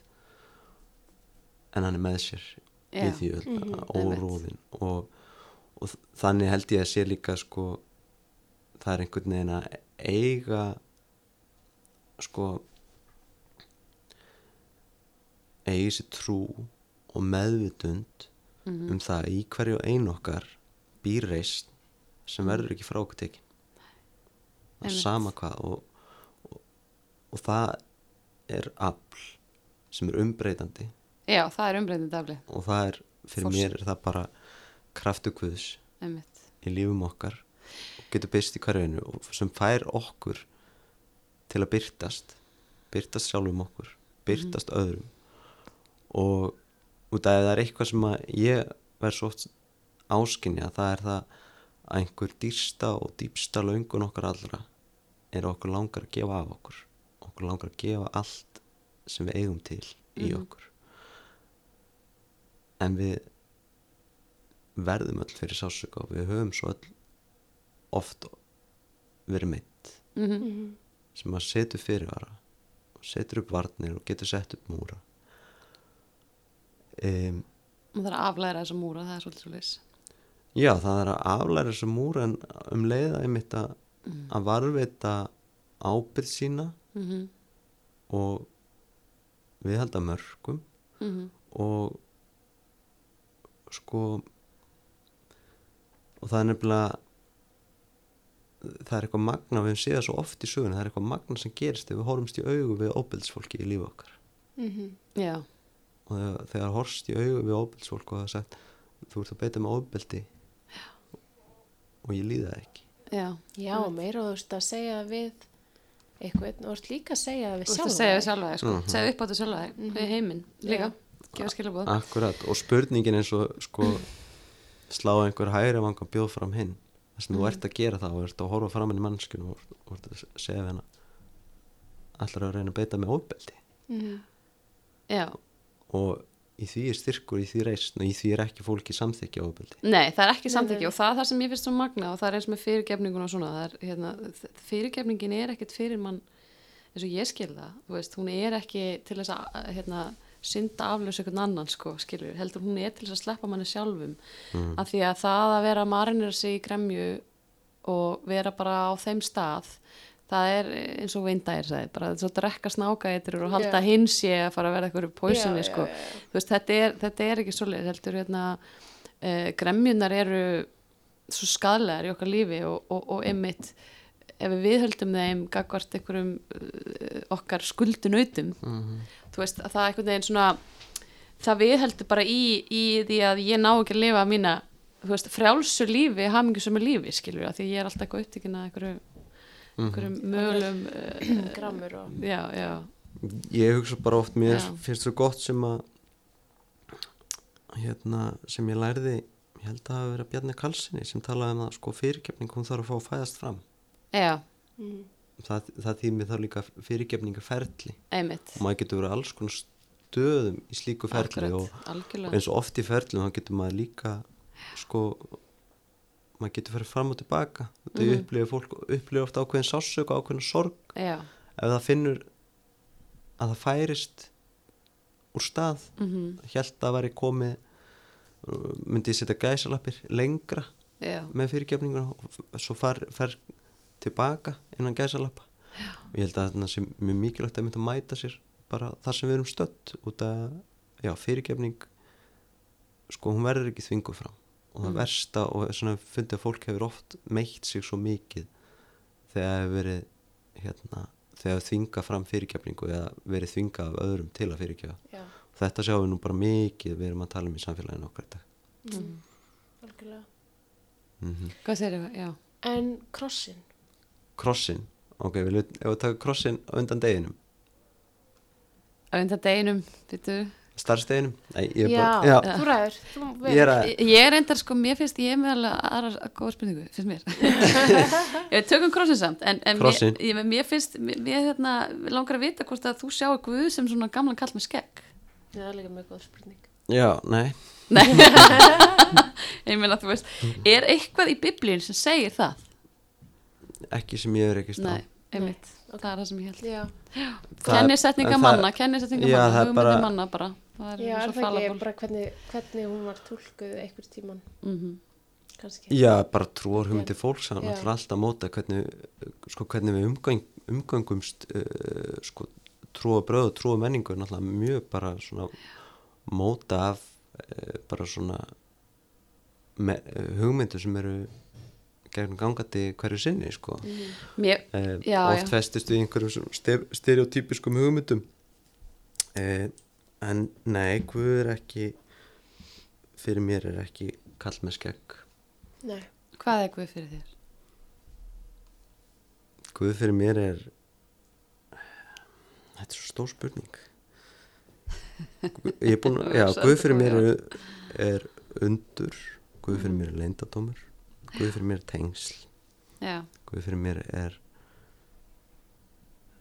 samband. Guð fyrir mér byrtist í tilvægstulega ávarp að byrtist í því að við erum alltaf einhverju samengi alltaf í tengslum eða Ekki mikið þögn. Guð fyrir mér er í þögninni. Já, Guð er í þögninni. Guð fyrir mér byrtist í því að kunna stundum að þaga og vera að hissa eiga engin orð ef maður mættir podcast. Það er Guð fyrir mér Það var mjög gott svar. En uh, já, er, finnst, heldur þú að við séum Guð? Nei, Þú heldur ekki? við erum ekki Guð fyrir mér. Ok, Nei, eh, ég hins vegar trúi því sko það sem þú ert að vísi þarna er sko panteismi, það er að segja allt Mhm. sé Guð eða, mm eða svona vísar að allt getur verið Guð. Já, eða við séum í raun og veru Guð, og veru og við um að bara tappa inn í Guð í okkur, það sé lausnin sko. Já, nei ég hins er meira svona í panenteisma sem því að Mm. allt kvíli í Guði. Mhm. ég er ekki Guð en ég kvíli í Guði. Ok, og ég get sótt í Guði Guði er hluta mér og ég er hluta Guði. Og þá við um okkur öll og allt. Já, að mínum dómi ok, Mhm. allt ber vitni um Guð eh, og við getum séð Guð í öllu það þýðir eins og ekki að ég sé Guð Já, Ok. það er hana Það er hana. Er fyrir mér. Guð, Guð er í öllu en við erum ekki Guð. já, ég myndi Mhm. mm mynd segja það svona Mhm. einhvern veginn, þessi hugmynd allt kvíli í Guði Já. það er einhvern veginn eitthvað í því sem hefur höfðað til mín mhm. En uh, Hjalti, hvernig er svona típiskur dagur í þínu lífi? Já, hvernig Já. ef ég ekki að ræða krossin, nei, hérna. Þú getur líka gert það. ég er að vera erfiðasti viðmælandi Já, þessa podcast þessa, nei, hérna e, það er ekkert til sem heitir eðlöð dagur í mínu lífi. Í minni vinnu, sko svona hefðbundir út. ef við rúlum aðeins tilbaka Mhm, ég get bara sagt ykkur sko, gerðkvöldi mitt endaði með eskulisfélagi eins og öll fymtaskvöld það var með eskulisfélagi í kirkjun okkar frá 8-10 það var sem enda á helgistund það sem að úlingarnir sem mættu þau kveikt á bænakertum og við sungum saman uh, og byggjum saman ég með hugvekju og mér fallett og það var sérstaklega fallett gerðkvöldi út af að vorum að fagna því að unga fólki í kirkjunni sem ég starfaði það var búið að vera með rekjavíkuhús í safnaheimilinu fyrir um daginn þar sem Já. að Ok. kostaði semst inn 300 krónur Já. sem er ekki mikið en okkur tókst þó að safna rétt rúmlega 20.000 krónum Vá. fyrir barnaspítala ringsins Ok, æðislegt. Dásamlegt. og hérna þarna komu semst yngri krakkar og fóldrar og fjölskyldur úr öllu hverfinu sem að komu og litu við í Reykjavíkuhúsið sem var opið 6 til 8 þannig að Var það hræðilegt? Var hræðilegt úr sig? Var það... Ég fór ekki það inn í það sko ég, ég bara sko ég heyri svona þau gerir eitthvað svona bank og eru með einhver svona öskur og eitthvað mér finnst það hrikalegt sko ég er alltaf ofbúðslega stressað sko síðan Já. koma litlu krakkar hrætt við drauga? Ertu hrætt við drauga? Nei, það ekki sko Nei. ég hrættu við úlinga hérna hérna, nei ég er alltaf bara svo hérna, ég verð alltaf svolítið stressaður að, hérna, að það er bara svo auðvelt sko, úlingarnir vilja gera svo vel og þau eru spennt og þau eru peppu sko og hérna en kappi má aldrei bera ferun og ofurli eins og sér að fyrir sagði sko að hérna og ég verð stundum svolítið svona stressað bara svona inn í mér sko að, að verði eitthvað ungt batt sem að verði svolítið trámað af þessu, þetta verði ómikið sko já, já. ég var svona badd sko, ég var óbúslega næmur sem badn og er enn sko að Já. hérna, gæti tekið svona inn á mig og Einmitt. hérna Horfir á hryllingsmyndir? horfi ég í dag? Já. Nei, Nei. Ég gerði heldur ekki, bara maður læti mig líði illa í sleppi bara, sko. Í- já, en ég læt alveg, þú veist en ég hef samt farið hérna, þú veist eh, sko, ég fóð með sýstu minn og má hérna á, ég mann þig þegar hún var í bíó, það er svona síðasta hrillismynd sem ég sá Ég líka, hérna, Þóri Snæri vinnu minn framleiti þessa mynd, þannig að ég var svona langaði mikið að fara á myndina Mm Einmitt. og ég var einmitt bara lengi að jafna mig, sko. En það, það er samt sko, ég fór að hugsa það sko, það ég var að hugsa um sko, alltaf að maður að gera eitthvað eins og í kirkjunni í gær, -hmm. það er rekja eitthvað hús, það er ég alltaf að spurja mig, okkur, hverjar eru samt svona, sko, guðfræðilega fórsendu þess að vera að þessu, það er að segja, sko, hvernig, er þetta, er þetta einhvern veginn að, sko, hverju er þetta þjóna? Mm Hver er þjónustan í að hafa þetta? Einmitt. Og alltaf fyrsta lagi, þetta er skemmtilegt. Það er bara gaman. Það er gaman. fun. Ég meina, Mjög play hlýtur að vera partur af guðli að leika sér. Algjörlega, Já, það er það, algjörlega það. já. það er líka að þetta færi kynnslóðu saman og Já. þetta færi sko yngri og eldri krakkana saman í hverjunu til dæmis þannig að eldri krakkana hafa ákveð umsjónar hlutur gagvart yngri og við sjáum þú veist, eins og í samfélaginu okkar sem að hólfíkina alltaf verður meira og meira og, og við erum alltaf að skipta hópum meira og meira sko, þú veist sko ég fæ hérna sko 06 mótilinn tala ekki við 07 mótilinn og svo framvegis sko, þetta Já, er alveg komið við lifum í heimi sem er svona sko. Og hérna bara úlingar eru orðinir eitthvað null eitthvað, það finnst mér eitt bara að sé Ja, þetta mjög- fyndi eh, hérna, eh, þannig að já, þetta er færa fólk saman og, og svo líka sem ég hugsaði það er svo stert að fara í gegnum eitthvað saman og þess vegna eins og ég fór, ég fór ég man þig með sýstu mínum má mm. og, uh, og ég fór að hugsa stundum svo gott sko. Það sem við erum að sækja held ég eins og með hryllingsmyndum við erum að sækja að ég get verið hrættur en ég get verið örugur samtímis. Já, já, já, mér er, ógnin er ekki rón, raunveruleg. En mér finnst þetta Og- með hryllingsmyndir það er svolítið áherslu, því ég tók þann pól í hæðin að hætta fara hryllingsmyndir því að ég var bara svo hrætt mér leið svo Mm. illa. En nú er ég orðin sko þannig að ég er alltaf að elta óttana mína Já. út af því að ég er alltaf að kveikja ljósi og gá hvort að þessi snákur sér snákur og hvort sér prigg Mhm. Mhm. skilu, er þetta kannski ekki svona hræðilegt? Og mér finnst svolítið svona áhverst að þetta er bíómynd sko. En það er að finna hvernig meðutundin verður bara hluti af þessari bíómynd. Já, og þess vegna finnst mér núna að ég er með eitthvað svona þing að eitthvað gamalli seitlingsmynd sem að ég mig. Heitir hún? hún heitir hérna Svír eða eitthvað og eitthvað svona dansa eitthvað svona að för með eitthvað svona kall eitthvað, þú veist, það voru svona geimur nei, nei, nei, nei, nei þetta lipir að þeim mig þetta var svo að hann var svo að eitthvað svona fljótandi maður sem var búið að skera allan og var að tala, þú veist, fortgrísku eða latínu eitthvað, ég man ekki hvað það var, Mm. þú veist, þetta var mjög skeri og þetta var svona sálfræði þyrrlega þannig að þú, þú veist, og veru í ímyndunaröfli fór svolítið með þig, þetta var eitthvað í tengslu við geiminn, munið ekki eftir þessar mynd, allavega Nope. ég þarf að setjast niður og horfa á þessa mynd Mm. þú veist, ég er alveg bara svona allt svona er ég bara, ok, nú ætlum við bara end skilgreina hérna, þetta, Já. því að við erum bara, þú veist, einhvern veginn starf ég er búin að ákveða narratífið mitt er að ég þóla ekki hryllingsmyndir, ég geta þær ekki að því ég er svo hrætt Mhm. mér langar að breyta þessu narratífi þú veist, alveg. Já, já. og, og bara, ég ætla bara að taka og bara lýsa á þetta og sjá hvort að það hættir ekki bara að vera já Ótti. ég tengi sko alveg við það því ég, var, ég er uh og, hryllingsmyndir þær bara fýta myrkvælina mína -huh. og sama þótt að ég sé bara þú veist, fullarinn kona þú veist, Mhm. bara Já, já. með mitt allt og ætti að vita betur þá bara er ég ógæslega ég er mjög myrkvælin Mhm. og um, en mér finnst það líka og þetta er líka svona hvað ætla að bjóða sjálfur mér upp á þú veist, bara með allt, samfélagsmiðla fréttir, mm Mhm. hryllingsmyndir einmitt þú veist, kaffi, sigur, Mhm. áfengi þú veist, að svona, er þetta ekki líka bara eitthvað mengun fyrir hugan og mengun fyrir óttana mín og þessi myrkfælni hvaðan kemur hún, það er, örugglega- hefur örugglega ekki neitt með þú veist, hryllingsmyndir að gera þannig nei, séð. nei, það hefur, það er þú ótt í þér þótt að ég sko. var bara rosalega hrætt við það, ég var bara alltaf verið rosalega hrætt við draugur en Já, þegar ég var samt lítil þegar ég var barn og úlingur þá var ég rosalega forvitin sko. ég, Mhm. mér fannst gaman að láta hræ- hræða mig veist, ég var með barnapíu sem að, hún var bara í vinnu við að hræða mig og vinkonu mína Mhm. og við báðum um það og lifðum Mhm. okkur inn í það og svona og, og hérna, ég horfði á rosalega mikið af hryllingsmyndum þegar ég var úlingur Vist, ég elskaði draugasögur þú veist, bara svona og þessa gömlu íslensku svona Draugasögur, draugasögur og svona, ég var rosalega hrifin af þessu öllu, ég sóttist í þetta er þetta. að grafa það upp fyrir strákið minn einhvern veginn og svo bara núna, þú veist, þá býð ég sjálf mér ekki upp á þetta, Mm. þetta, þetta fýtar svo mikið hræðsluna mína. Mhm.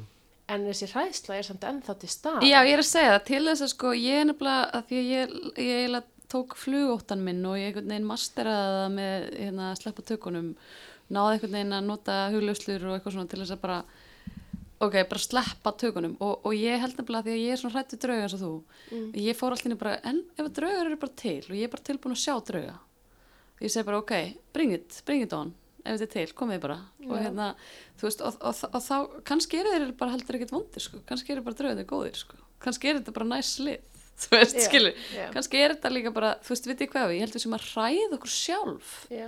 alveg ótrúlega mikið með því að halda einhvað sé einhvern veginn En núna talandi um Já. drauga og um, Af þú veist, Halloween. andseti fólk og Aha. Halloween í gær og verið með prest hérna við borðið. Þú veist, það er náttúrulega, Ertu mikið að fara í hús og, og taka anda, slæmanda? Hitta andsitt fólk og Já. það kemur líka krossin sterkur inn. Dagleg, dag, dagleg hérna, vinna, dagleg þinn dagur. Mm sko aðeins vandi þetta sem við voru að- að að ræða. Hérna, ég er náttúrulega það sem við erum báð búin að að tala um sko, það er byrtir eiginlega mikilvægs að, að rækta val í einn lífi. Já, ég val hvort ég horfa hryllingsmyndir þó ég sé skýt hrættu við það út að ég sé að reyna að mastera það eða skilur komast Já. yfir rótan Mhm. ef ég val um að segja veistu, ég Ég er bara ekki áhuga veistu, bara, ég hef ekki áhuga þessu. Nei. En það er spurningum að mitt að bara hlusta eftir er, hvað er líka valið mitt? Mhm, Þú veist, hvað vil ég gera? Mhm, um, þegar eftir að ég var víður þá voru sko tvö af mínu fyrstu embætsverkum voru að fara í húsblessanir já, Já, fara það er algengar heldur en hús. fólk heldur já Hér á landi að- að- Hvenær varstu vigður? Ég var víður 14. oktober 2018 ég er nýjórðin eins Nei, það er- Ok, Já, ok, til það. Takk. Takk, takk, takk. En En, hérna- hérna, Já. já. þannig að það er sko e, já, það er bara þannig að fólk vil oft láta bara láta blessa húsið sín og eiga, þú veist, líka bara eiga svona góða stund til að sko safna saman og sko eiga stund til þess að staldra við og hvað það er sem að við viljum vernda og varvita og, og í, í hvað anda við lifum og, og Mhm. hvað skiptir okkur máli sem fjölskyldu til dæmis inn á heimilum Já, Já, ég ætlum þess að flytja aftur í nýbúinu mína og ég var búin að ákveða það að ég ætla að vera með svona ritual já, og bjóða þú veist þér og fleirum svona hérna, að fleiru andans fólki og, og brenna smá salvju og vera bara með smá seremóniu bara svona þú veist í að gera góðan anda í húsinu. Og hérna að því að mér finnst þetta með ritualana þeir fóru svolítið út úr lífin okkar. En uh, þú veist í gegnum söguna höfum við verið að gera ritual. Uh, þú veist eða svona einhverja uh, þú veist sapnast í ringi kringum eld eða eitthvað þú veist með einum öðrum að hætti að gera, að setja einhvern ásetning í eitthvað í rosalega langa tíma og svo fannst mér eins og þetta fór úr mínu lífi það var ekki partur af mínu lífi og ég skinnið þetta ekki rosalega mikið í kirkjunni. Ég var nefnilega að horfa á Ólaf Stefánsson í gæri þætti þar sem hann var að segja Bitu, bitu, bitu, skinjar ekki mikið rituals í kirkjunni? Jú, jú, það er alltaf mjög mikið reynd en það er svona, mér finnst samt einhver tengingalys í því, ég verð bara að segja það út af því að mér finnst eitthvað Ah. skríti og ég, Ólafur Stefánsson bent þetta að gera setja svona hlið við hlið við hlið Mhm. og í kirkju eins og við gerum, þú veist og við horfumst ekki í augu. Mhm. svona þannig, þú veist, það er ekki þetta svona þessi community tenging sem maður horfir á svona í ring til dæmis. Og það er svona meiri steril, steril svona mennska og veistu, allt er þetta bara eitthvað svona auðvitað er það bara eitthvað hugmynd eins og eitthvað annað en, en ég skil alveg hvað hann er að fara mm. af því það er meira, það er ekki þetta svona raw nature eins og mér er alltaf fyndið svona indjánar eitthvað spennandi, þeir eru eitthvað þú veist, bara eitthvað, þú veist, góla skilur eitthvað, þú veist, að dansa og eru bara eitthvað svona þannig ritual, þú veist Já. Mhm. á meðan við erum í orðin eitthvað svona orðin eitthvað svona pjúritanískum svona, þetta er alltaf svona allir er svona þögn allir er svona, þú veist þetta er svona allt voða svona sterilt. Já ég, skil, ég skil hvað það ert að fara. Já. Hérna, ég hef alltaf haft rosalega mi- mikinn áhuga á trúabræðfræði mm og ég man bara þegar ég fór í trúabræðfræði í, þú veist, nýjöndabekka eitthvað, hvað ég var bara, ég, þetta var bara þetta var svo mikið tímamót í mínu lífi að finnast skemmtilegt það sem ég var að læra í skólanum, ekki bara gera það því að ég varð að fá góðar einhverju fyrir mömmin og pappa, þú veist. Mhm. um, en þá var ég svo hrifin af öllum þessum trúum sem er með meira af svona bara til dæmis uh, þú veist að vera katholiki, þú veist það er svona það eru miklu fleiri líkneski og þeir eru með að brenna hérna mm frankinsens þeir eru að brenna frankinsens uh, þegar þeir eru að fara upp uh, kirkjugólfið og, og þú veist það er eitthvað svona svo mikið í hverju, e- hverju einustu aðtöfn einmitt þú veist að það er ritual eða Já, aðtöfn já. íslensku og þetta er náttúrulega kirkju aðtöfn og eitthvað að það er svo mikið í gangi og líka í buddhisma og í hinduisma þú veist, svona alls konar gyðjur og guðir og fullt af svona Mhm. á meðan kannski þessari típisku bara svona þjóðkirkjur það sem Messu. að maður er svona vanur að fara í messu að það er kannski bara svona einmitt kannski ekki svo mikið af spennandi hlutum að gerast. Nei, en það er enda sungið, ég ætla nú ekki að afsaka það, það er nú yfirleitt uh, sungin eitthvað sálmur, ég ætla Já. ekki alveg að fara að taka þetta og... Já, sko, hérna ég er nú síst áhugaði mér finnst nú ekki leiðilega heldur en þegar prestar eða annað þjóðkirkjufólk byrja að fara í vörð sko. En hérna, en ég er svo mjög gaman að því sko, það oft hefur fólk samt það ég var að ræða við konum daginn og hún bara var að tala um allt það sem kirkjan ætti að vera að gera og mm enn fast eitthvað svona vanda í kirkjan og byrjaði svona að tala svona, ég er svona, já, en áhugavert þetta er búin að vera mikið í kirkjan Nei, reyndar ekki. Nei, og hún nákvæmlega. vissi ekkert hvað var að gerast í þjóðkirkjunni sko. Þú veist, núna er ég bara að tala út frá einmitt bara þegar ég var barn og fór mikið í kirkju. Ég, ég fyrir sko kirkju ég, og ég er ekki að og- móp ég veit, Ég fór og- byrjaði að fara hans meiri kirkju þegar ég bjó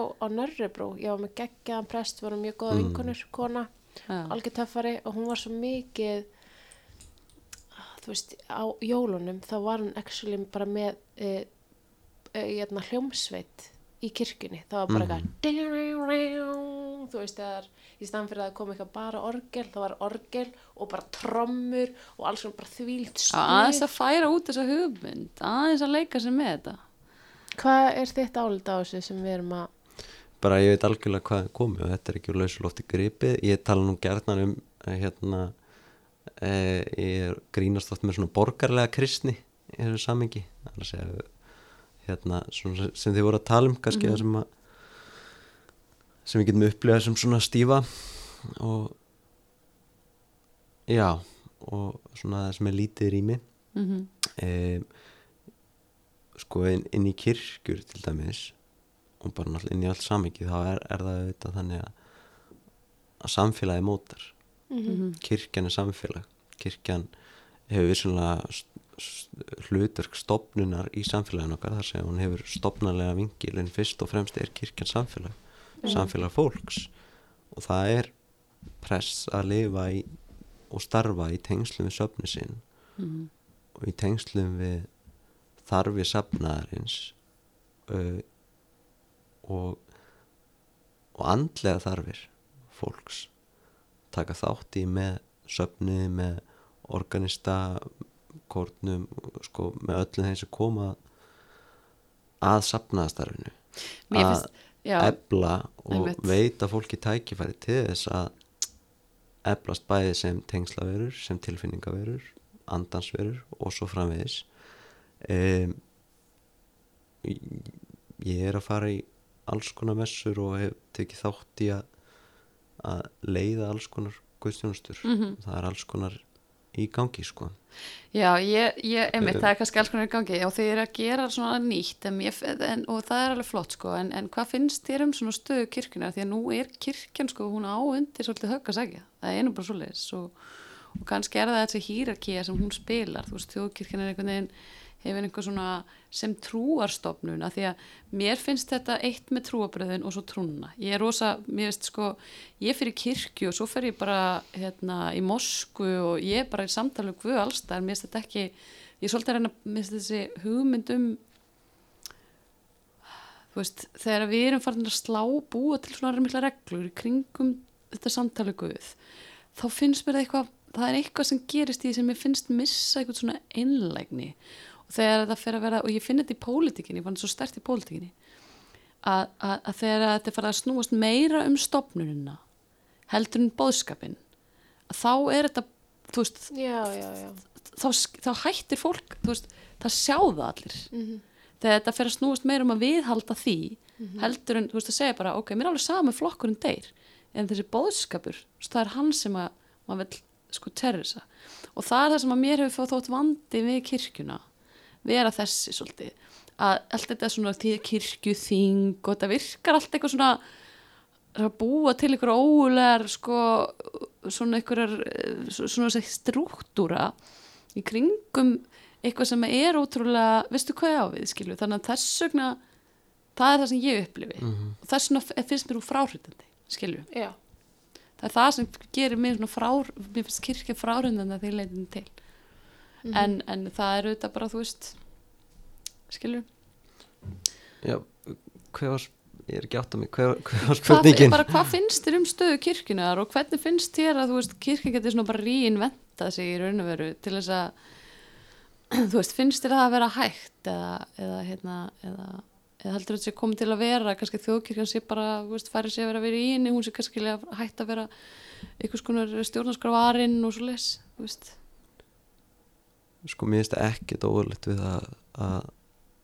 staða þjóðkirkjunar hér í landi þróist og breytist. Mhm. Ég, mér finnst alltaf bara mjög fallegt og ég vonaði, þú veist, eins og ég sé fréttur um úrsögnum í þjóðkirkjunni.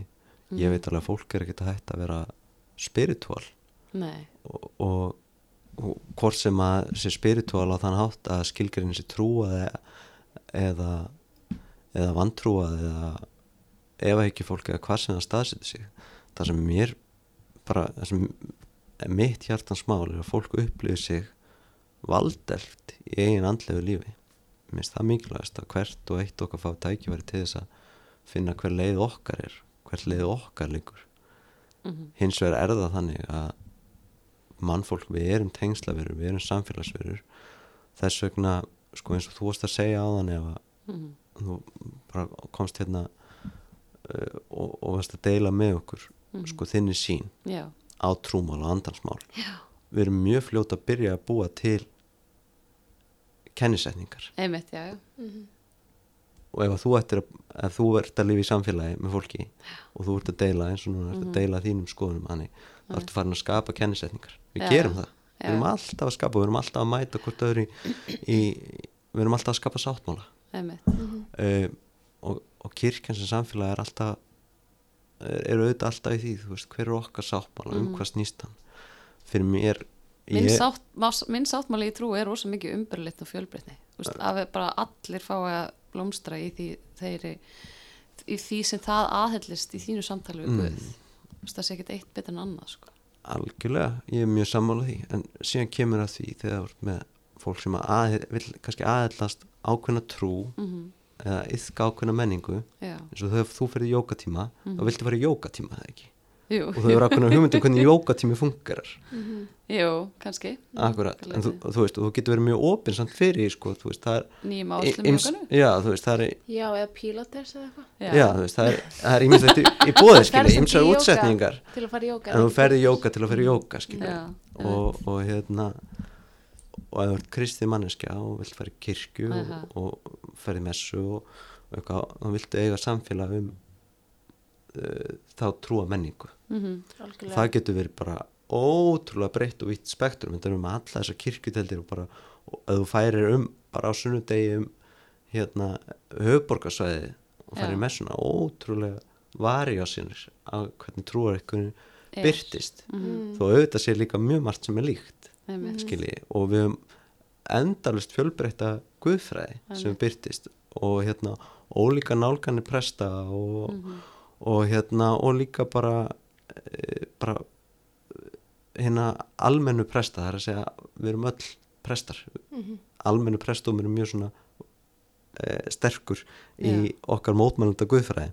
Já, e, en það sem að gera samt er að við alltaf sem samfélagi veist, við, þetta, við mætumst og við viljum skapa okkur heimili. Mhm, ég vil koma einhvers þar sem ég upplifi er ég er komin í skjól mhm, og ég er örugur og ég á heima hérna og ég til er hér. Mhm, og við höfum rosalega ríka tilneying og þess vegna held ég sé svo og þetta er eins og við sjáum alveg sko það er að byrta svo skýrt á okkar tímum til dæmis þegar kemur að því, það er hægt að þykja vænt um Ísland Mhm. og þú veist og hugmyndir um að vera Íslendingur og hvað þýði og allt það. Ótrúlega fallegan hátt og það er líka hægt að umgangast að ótrúlega beglaðan og óbúslega mondanhátt að mínum mati, Já. skiljið hvað ég þannig við, við erum alltaf að sjá þetta en fyrir mér, ég segi fyrir mig ég starf á mjög svona þvertrúarlegum basis og hef nú alltaf verið hérna svo, svo típa Mhm. ég er í eðli mín og, grunni, það er ég kristin einstaklingur. Mhm.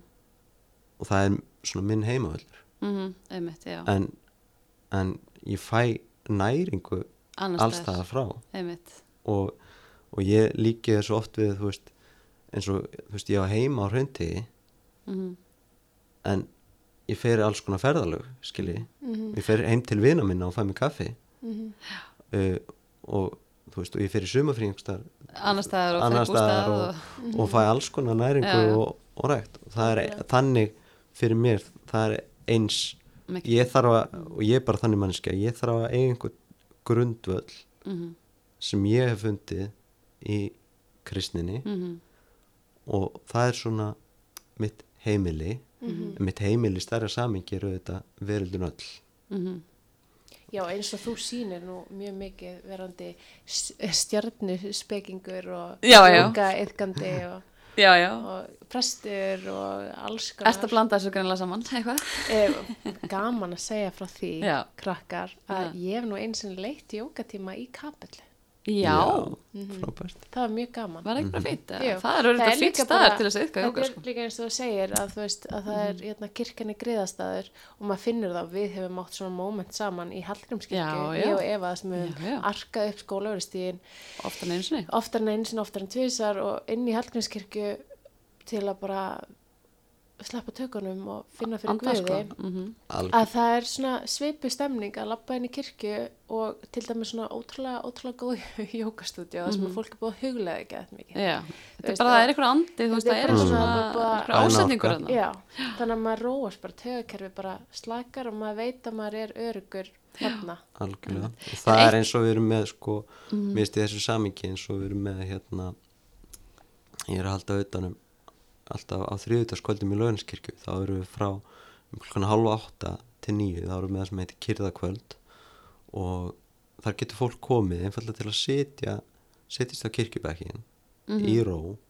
Getur gengið um rýmið hægt að kveikja á kerti og bara eiga stund til að fara inn á við. Við, svo bjóðu upp á íhugunaðaferð sem heitir Kyrðabæn og er svona forn kristin íhugunaðaferð fólk er velkomið að yðka með okkur í 20 mínútur samkvæmt þeirri leið en það getur líka bara að yðka sína hugleyslu að sína íhugun eins og það Vill best. vill best En ég til ég að þennan koma og tíma. kíkja á þetta kristnu, kristnu hulisluna já, óbúslega velkomin. Já, ég ekki til. og Alltaf hérna um og, og sama tíma eru líka veist, hérna bjóðum upp á sko pappir og skriffar ef fólk vil skrifa niður hugsanir, bænir, tilfinningar hvað eina. Bara mikið og gott tækifæri fyrir úrvinnslu svona talandi um vinnuveikuna mín líka Já. koma aðeins inn á Já, þriðutaskvöldi mín en, hérna, en ég held að sé mitt það er rosalega mikilvægt að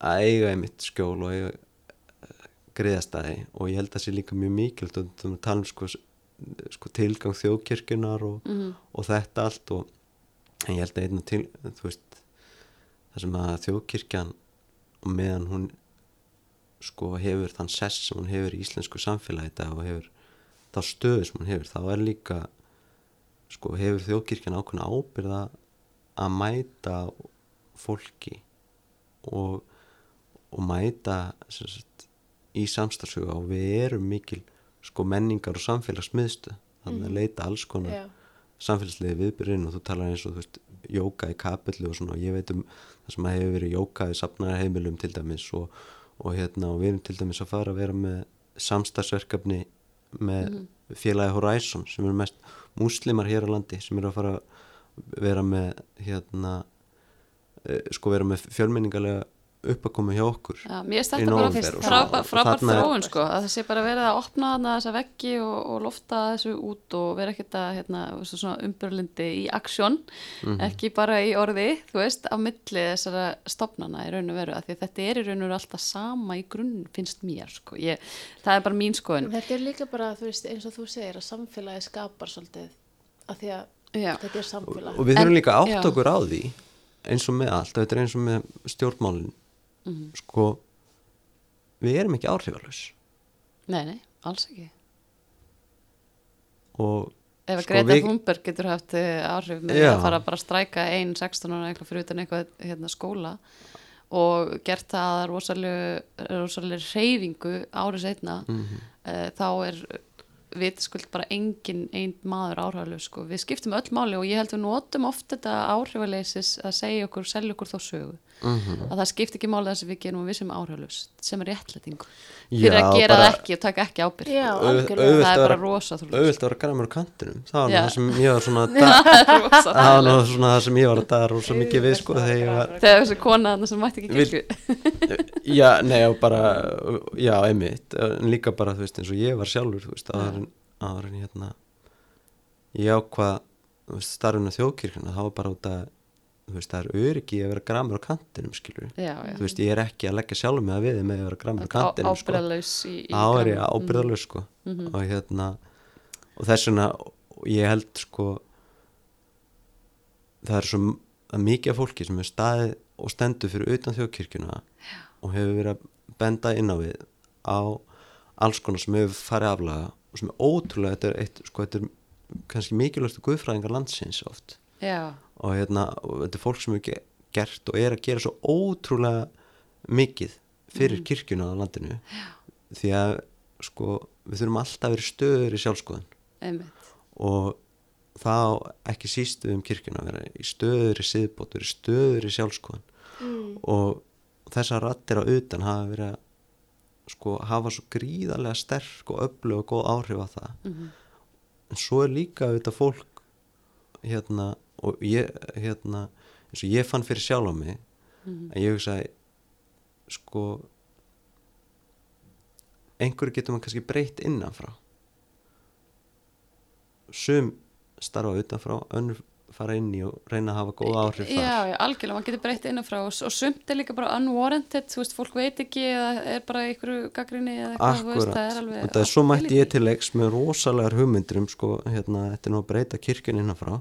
Og ég fór að komast að ég veit ekki neitt um íslensku þjóðkirkjuna. Nei, Já, já. og, og ég er bara ennþá, þú veist, búin, búin að starfa inn í íslensku þjóðkirkjuna verða, sko, verða tíu ár, búin að vera prestur rúmt ár og ég er ennþá bara rétt að byrja að kynast uh, sko, verða var en það segir manni samt, samt svolítið mikið, hjalti, sko, að því að þetta á að vera svolítið gagsa og opin stofnun, hún á ekki að vera þannig að Já. eitthvað flókið að kynnast henni, skilur sko, það er bara flóki að kynast nokkur sköpum hlut. Já, já, bara Sko, við að ætlum okkur skilja allt of dýnamík- mikið, ég er bara- Já, veistu, ég bara, eh, ég segi fyrir mig já, það tekur mér bara ótrúlega mikið tíma að vita eitthvað um nokkur skapaðan hlut og það er bara tekur tí, lífið tekur tíma. Já, En líka bara svona að vaða í gegnum sína eigin fordóma Já, maður, eða eigin hugmyndir sem maður hefur á meina, þegar maður kynast nýju sko- fólki og nýjum stöðum. nú ég bara hugsi þessu samingi ég er alltaf einhvern veginn alltaf að vera búin að lesa 20 bækur í einu skilju, þú veist, ég er bara Alltaf með fimm á bókninu já, veit ég, ég er bara, bara búin að koma að staði það bara tekur mig tíma að lesa eina bók sko. Já, já, það tekur maður tíma að lesa. Og hérna, og eftir hana þá mann ég ekki endilega svo Hvað mikið hvað stóði í henni eða skilju ég hvað við þú veist, þannig að það sem ég er að segja þú veist, er bara einhvern veginn einmitt. Uh, sko út að ég vildi svo ofta að ég vissi meira og talandi um þú veist bara um þjóðkirkjuna og innri struktúra og, og ég, vil, ég vildi að ég vissi meira um lofslagsmál og ég vildi að ég vissi meira um hérna samfélagsmálun okkar og, og svo framvegs og svo framvegs Já, já, en hérna ég er bara sko I'm a slow learner já, já. og ég held að séum það flest sko En eitt, sko, við erum að vera nú að ljúka, við erum búin að tala rosa, það er alltaf að tala svo lengi um þetta, því þetta er svo skemmtilegt Mm. að tala um uh, vitundamál og samtali Guð og við erum einhvern veginn bara rétt byrjað að, að þú veist, fara aðeins undir yfirborðið. mm Eitt svona sel hérna moment, ég hef alltaf að spyrja Eva, finnst þér prestar sexy? já, Já, ég var að mynda að hugsa er svarti Já. kuplin já með þessu? mér þetta fannst þetta allt- ábyrð, mikil ábyrð og þetta er líka eitthvað með öryggi. Já, þú veist, öryggi ábyrð, góðmennska um, Rosa mér- mikil mér finnst það þjónusta. sexy sko. Mikið þjónust mér fannst það nefnilega, ég er nefnilega þetta er búið Þetta að er mjög breyta Þetta er búið að breytast mér. eitthvað mjög uppörvandi þetta er sko Siglingu. út af því að sko ég einmitt, hérna, mér fannst það bara ekki. Ég man einhvern veginn að mér ekki- að því að ég fór alltaf að hugsa þetta bara aðan ég var alveg, mér alltaf finnst prestar sexy. Þú veist bara að vera prestur að vera, það væri bara sexy koncept að því að fyrir svona tíu árum hefði mér bara alls, Ég að það alls sé, hérna- ekki fundist það sé góð, góð, góð hérna þróun, Þetta er hjá þér. rosa Já, góð. ég held það en þessi prestakræin Kræin er að gera prestakræin, það er talandi bara sem uh, mentaði að fatta Já. þá er hérna prestakræin, hann, það er eitthvað mjög gott við hann sko. Já, ég, en mér langar bara mjög hrætt en ég skil samt ekki hina búningan alltaf, ég hotta mig ekki Ég alveg á sko, þeim. ok, ég var að segja ykkur, talandi um að vera fatahennur og með búningablæti á hásti og svona, þá hérna, var ég alltaf að klæða mig upp sem nunna þegar ég var lítil, mér varst nunnur rosalega spennandi og ég setti svona hvítan þröngan ból yfir hausna mér og faldi það og svona, ég já. horfði á, já, svo núna mm elska ég kundalíni um, og svo horfði ég á þarna e, bæði sistrakt náttúrulega geggjumynd Mhm. og hin myndin þarna Sound of, nei, hérna, hvað heitir hún? Veit ekki. Eh, Sound of Music Já, og hún var náttúrulega var nunna. nunna og, og svo badfóstra Var ekki eitthvað skrít, voru ekki nunn og badfyrst og svo eru þau ástfangin? Jú, og þá hætti hún að vera nunna Já, ok, og, það var hérna, eitthvað svona, og ok, ég bara heillið að þessu og nunnubúningurinn þú veist, Allt þetta pjúritana konur alltaf, ég, veist, ég er svo já, þreytt ok, á þessu. já, ég en, já, ég veit það alveg Já. en bara með búningana og fötin og allt Mhm. þetta mér, mm mér hefur alltaf fundist það geggjað spennandi sko. Ok, erum við þá að fara, erum við komið búning fyrir næsta Halloween eða? Ætlum við vera Nunnur, nunnur? já, finna einhver að presta Mjög já, ég held það Taka á mig En- nýja rulli í lífinu. En út frá því þá hérna, langar mér bara svona ótrúlega, ótrúlega, ótrúlega stutt að spyrja, þú veist alveg svo út í krossin, hvað, mm. hvernig sér þú krossin og hvað þýð krossin fyrir þig? sko ég sé krossin á þann hátt að sko og það er kannski líka sem er svolítið svona einhvern veginn gott fyrir okkur að horfa á finnst mér í nútímanum það er að þjáningin er óhjákvæmileg Já, Mhm. í, í lífinu og krossin er raunveruleik í lífum okkar allra. Mm Krist sagði hérna að við, við sem fylgjum honum þurfum að taka okkar kross og bera hann. Við, við höfum öll einhvern kross að bera í lífinu. Mhm. og það sem að kannski það sem ég veist kannski mikilvægt er samt líka einmitt sko, það þýðir ekki að ég sé fórnanamb Nei, nei, það þýðir ekki að ég skilgrinni að sko ég skilgrinni skilgrinni tilveru mannlegs fólks að hann hátt að við sem fórnanamb út að þjó- þjáning sé óhjákvæmileg. En svo heldur það er, það er ég, ég horfist í augu við það að þjáning er óhjákvæmlega hluti af Mm. lífi okkar. Mannlegri tilvist. en ég horfist líka í augu við það að að grunnkjarni tilverunar sé kærleikur sem er ofar öllum skilningi mínum og annara sem að umbreyti jafnvel dýpstu þjáningu. Mm réttlætan ekki því að það er ekkert sem réttlæti þjáningu í mínum hugum gera hann ekki skiljanlega. En gera það að verkum að grundvöldur okkar á kjarni og þess að umbreyndandi afl í lífum okkar sem getur starfað óhað öllu öðru er það sem ég kalla kærleiku Guðs. Og þar er upprisan. Og þar sjáum við hérna eilifu ringras lífsins byrtast Mér finnst Upprisinn þetta- er hann, húra, húra. Já, hann lifir, hann þetta lifir, hann lifir enn. Þetta er líka það sem að tengi við krossin og þegar maður hugsa náttúrulega að hann var krossfestur og börnum mín hafa verið að spurja að því að talandum mig þegar ég var lítil og hvað Mhm. ég var skrítin þá var ég líka að safna krossum og bibliumyndum og ég var með sko alveg nokkra krossa fyrir ofan rúmum mitt og mér finnst það rosalega spennandi allir þessi krossar sem voru með Jésu sem er ekki. Já, og, og ég hef alltaf séð krossin svona. Um, og mér finnst það mega sense. Um, en svo mhm, verandi kannski líka að maður er ekki kristinn Mm. þá er krossin sem tákn rosalega fallegt og, eins og, ég, og ég var að fá svona nýja skilgreiningu um, í ykkur huglauslu námi á mér í vor mhm, um, að krossin er líka svona hvernig þú getur lifa lifinu þinu að ef að þú tekur þú veist bara ok, þú veist kannski nunna, nunnur og presta og, og, og hérna, munka og og hérna, svona mikla jóka og andlega, andlega fólki hérna, sem er bara búið að helga sér lífi guðs eða eit- andle, andlegu lífi mhm. og svo tökum við Pjalti. hinn bara venjul, venjulegt fólk eða þú veist, venjulegt fólk bara þú veist, 2019 við erum bara þú veist, í smartsímanum okkar og allt þetta Já, bara ásælegu hraði og við erum hérna og hinn Mhm. eru hérna og svo vill ég vera í saminningunni Já, það Mm. mætast Á hann í krossinum. miðjunni í raun og veru á punktinum, Já, í að það er svona, ég Mhm. vill geta átt mér finnst þetta rosa góð skilning skiljið þið? Já, að geta, þetta- geta lifað í raun og veru í þessu verallega lífi en sko því að mér hefur alltaf einmitt fundist þetta svona að tjekka sig út sko og fara bara að búa í klustri Já, það er, svo auð, það er rosalega Eh. auðvelt að huglega á okkur fjalli Mhm. en það er Einmitt. ekki auðvelt að huglega í dagsins amstri Aha, sko það sagði hana í hérna yeah, algjörlega. Þegar þegar Jésu say it sister, joke. Jésu fyrir með Halleluja Hallelujah, amen. Joke. Jésu fyrir með læri sínum einmitt upp á fjall. Já, og það byrtast hérna, þar verður ummyndunin. Hann um, ummyndast og, og, og hérna lýsist allir upp og þeir eiga þessa mögnu upplifun og eru upp á fjallinu. Og fjallinu er náttúrulega einmitt þetta sterka trúarták sem við finnum svo víða.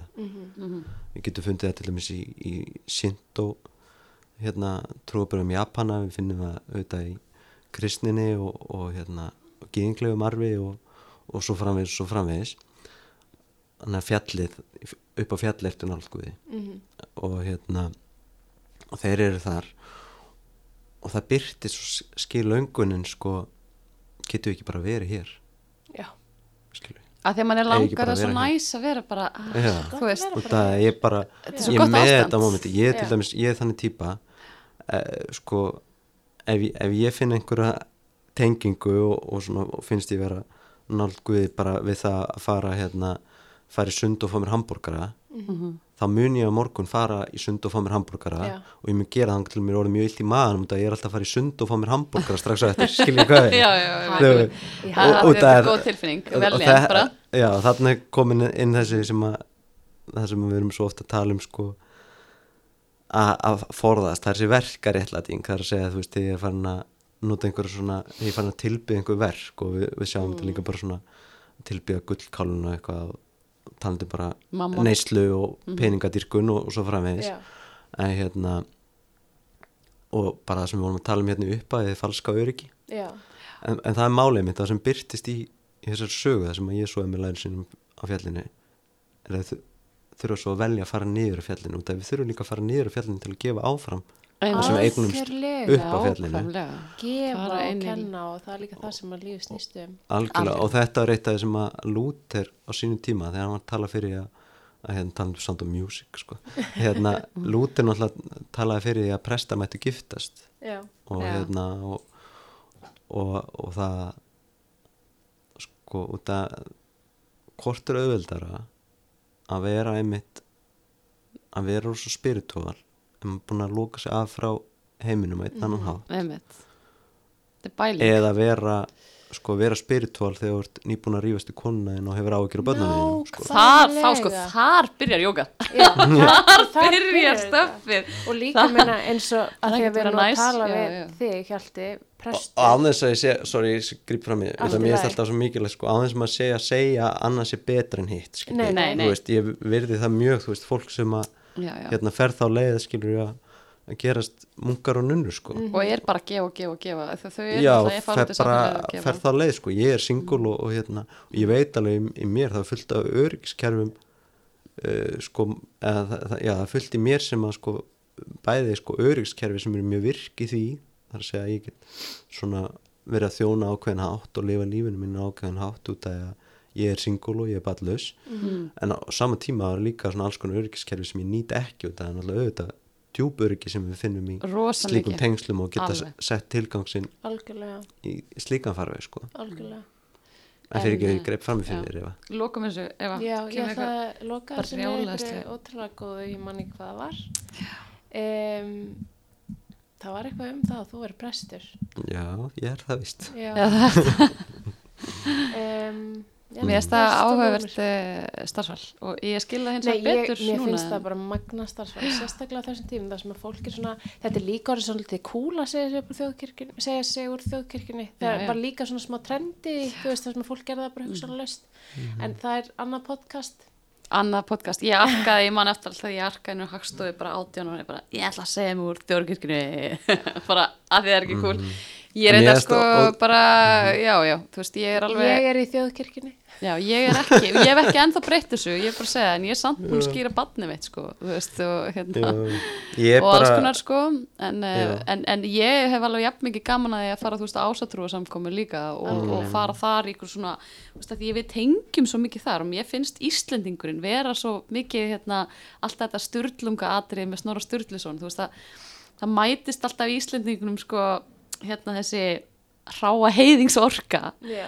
sem er eitthvað í landinu svolítið, þú veist, og svo þetta hérna vitræna, hérna mentað orkan einhvern veginn og þetta svona mætist og og ef mann er að kaniletta á réttan hátt bæði þá byrtist eitthvað stórkostlegt sko, ég meina, þú veist, talandi um bara hvað Íslendingar hafa gert ótrúlega magnaða hluti á, á alþjóða vettfangi eða bara, þú veist, hvað við erum stórasta þjóð í heimi, þú veist, með við hvað erum fá, skilur það er nú bara Já. þannig En allavega, hérna, Hjalti, viltu eitthvað segja eitthvað að lokum að við lokum þessu, hérna, viltu, viltu fara með, getur þú farið með eitthvað svona passus eða eitthvað svona, eitthvað svona sem þú gerir í raun og veru, bara svona, í, sem þú gerir í kirkju til þess að loka ykkur, til þess að lóka einhverju eða bara eins og þú vilt, en svona, þú veist, eitthvað sem til að gefa okkur sem Ég er man hvað ég ætlaði að segja. Já, hvað? Ég segja það? Já, segðu. Það kannski er smá hérna, inspiration fyrir þín lokaorð. Já. Það sem ég ætla að segja er að það, ég heyrði að meir, eða, þú veist, ég heyrði eitthvað staðar, ég hef engar vísindilega sannanir fyrir þessu, en það eru örugglega eitthvað staðar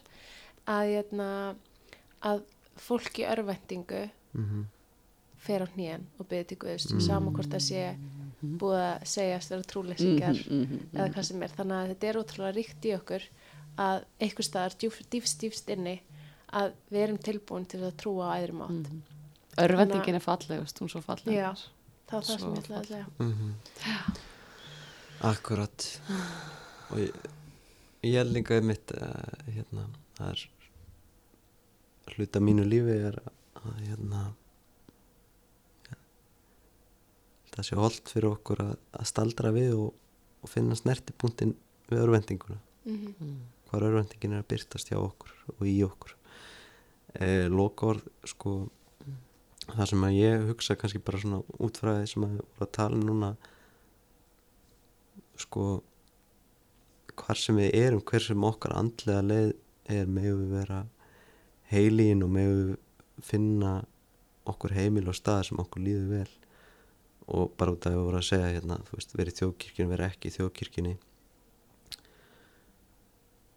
Ég hef auðvitað trúa í starfi sem að við sem komum á þjóðkirkjunni erum að sinna og þjóðkirkjan er ótrúlega er eins og samfélagi alltaf talandi um þú veist, Ísland það er ótrúlega litrikt og fjölsgrúðt Mhm. en fyrir mér það var verkefni okkar að við horfum á samfélagi okkar í heild það stóra verkefni samfélagisins okkar er að við erum að mæta þér spurningu ætlum við að lifa saman eða ætlum við að deyja einn Mm. þá er ég ekki að segja að við þurfum öll að koma saman að því samkomulegum að vera í þjóðkirkjunni Nei. eða eitthvað þannig eða eitthvað, alls ekki en við þurfum að finna leiðir til þess að sko virða hvert annað Mhm. uh, leif okkur geta að vera ósaman hvort öðru Mhm. og vera að fara ólíka leiðir en að virða hvort annað Mhm. það er markmið mitt bara sem einstaklings er að ég ætla að leitast við það að virða fólk hver sem leið þeirra er vera þeirra sannleik. og, og, og, og heyra það líka þegar þegar fólk sem að ég verð stundu var við er að rakka niður kirkjuna eða hvað annað að reyna að heyra tilfinninguna bak við orðin líka Mhm. því að ef ég áskilja þá þarf ég að byrja á því að skilja um, Þetta er góð setning. Mm. Viltu hafa þetta lokaorðin eða var Nei, eitthvað sem þú ég vildir? ætla að fá að hafa Já, önnur önnur lokaorð. lokaorð. já, já, já, sko og ég held bara í því samingi sko, það voru að tala um eitthvað svona sem ég myndi gera í kirkjunni það er ein blessun sem ég þykir mjög væntum sem ég fer oft með sem blessun orði í lokin á guðstjónustu og þau eru þessi hver sem þú ert hvaðan sem þú kemur og hvert sem leiðin liggur megi blessun Guðs fylgja þér Amen Amen. Svo sem við líka bara namaste. Namaste Namaste, Stafna. Namaste. Takk fyrir okkur. Takk, fyrir komuna. Þetta er búið reyndislegt. Við þurfum annan podcast þar sem að hérna, hjaldi fyrir yfir stjórnus. Kæri hlustendur, ég heiti Eva Og ég heiti Eva.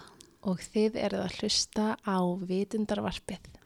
Og saman bjóðum við þér að vakna með okkur og kjarnanum.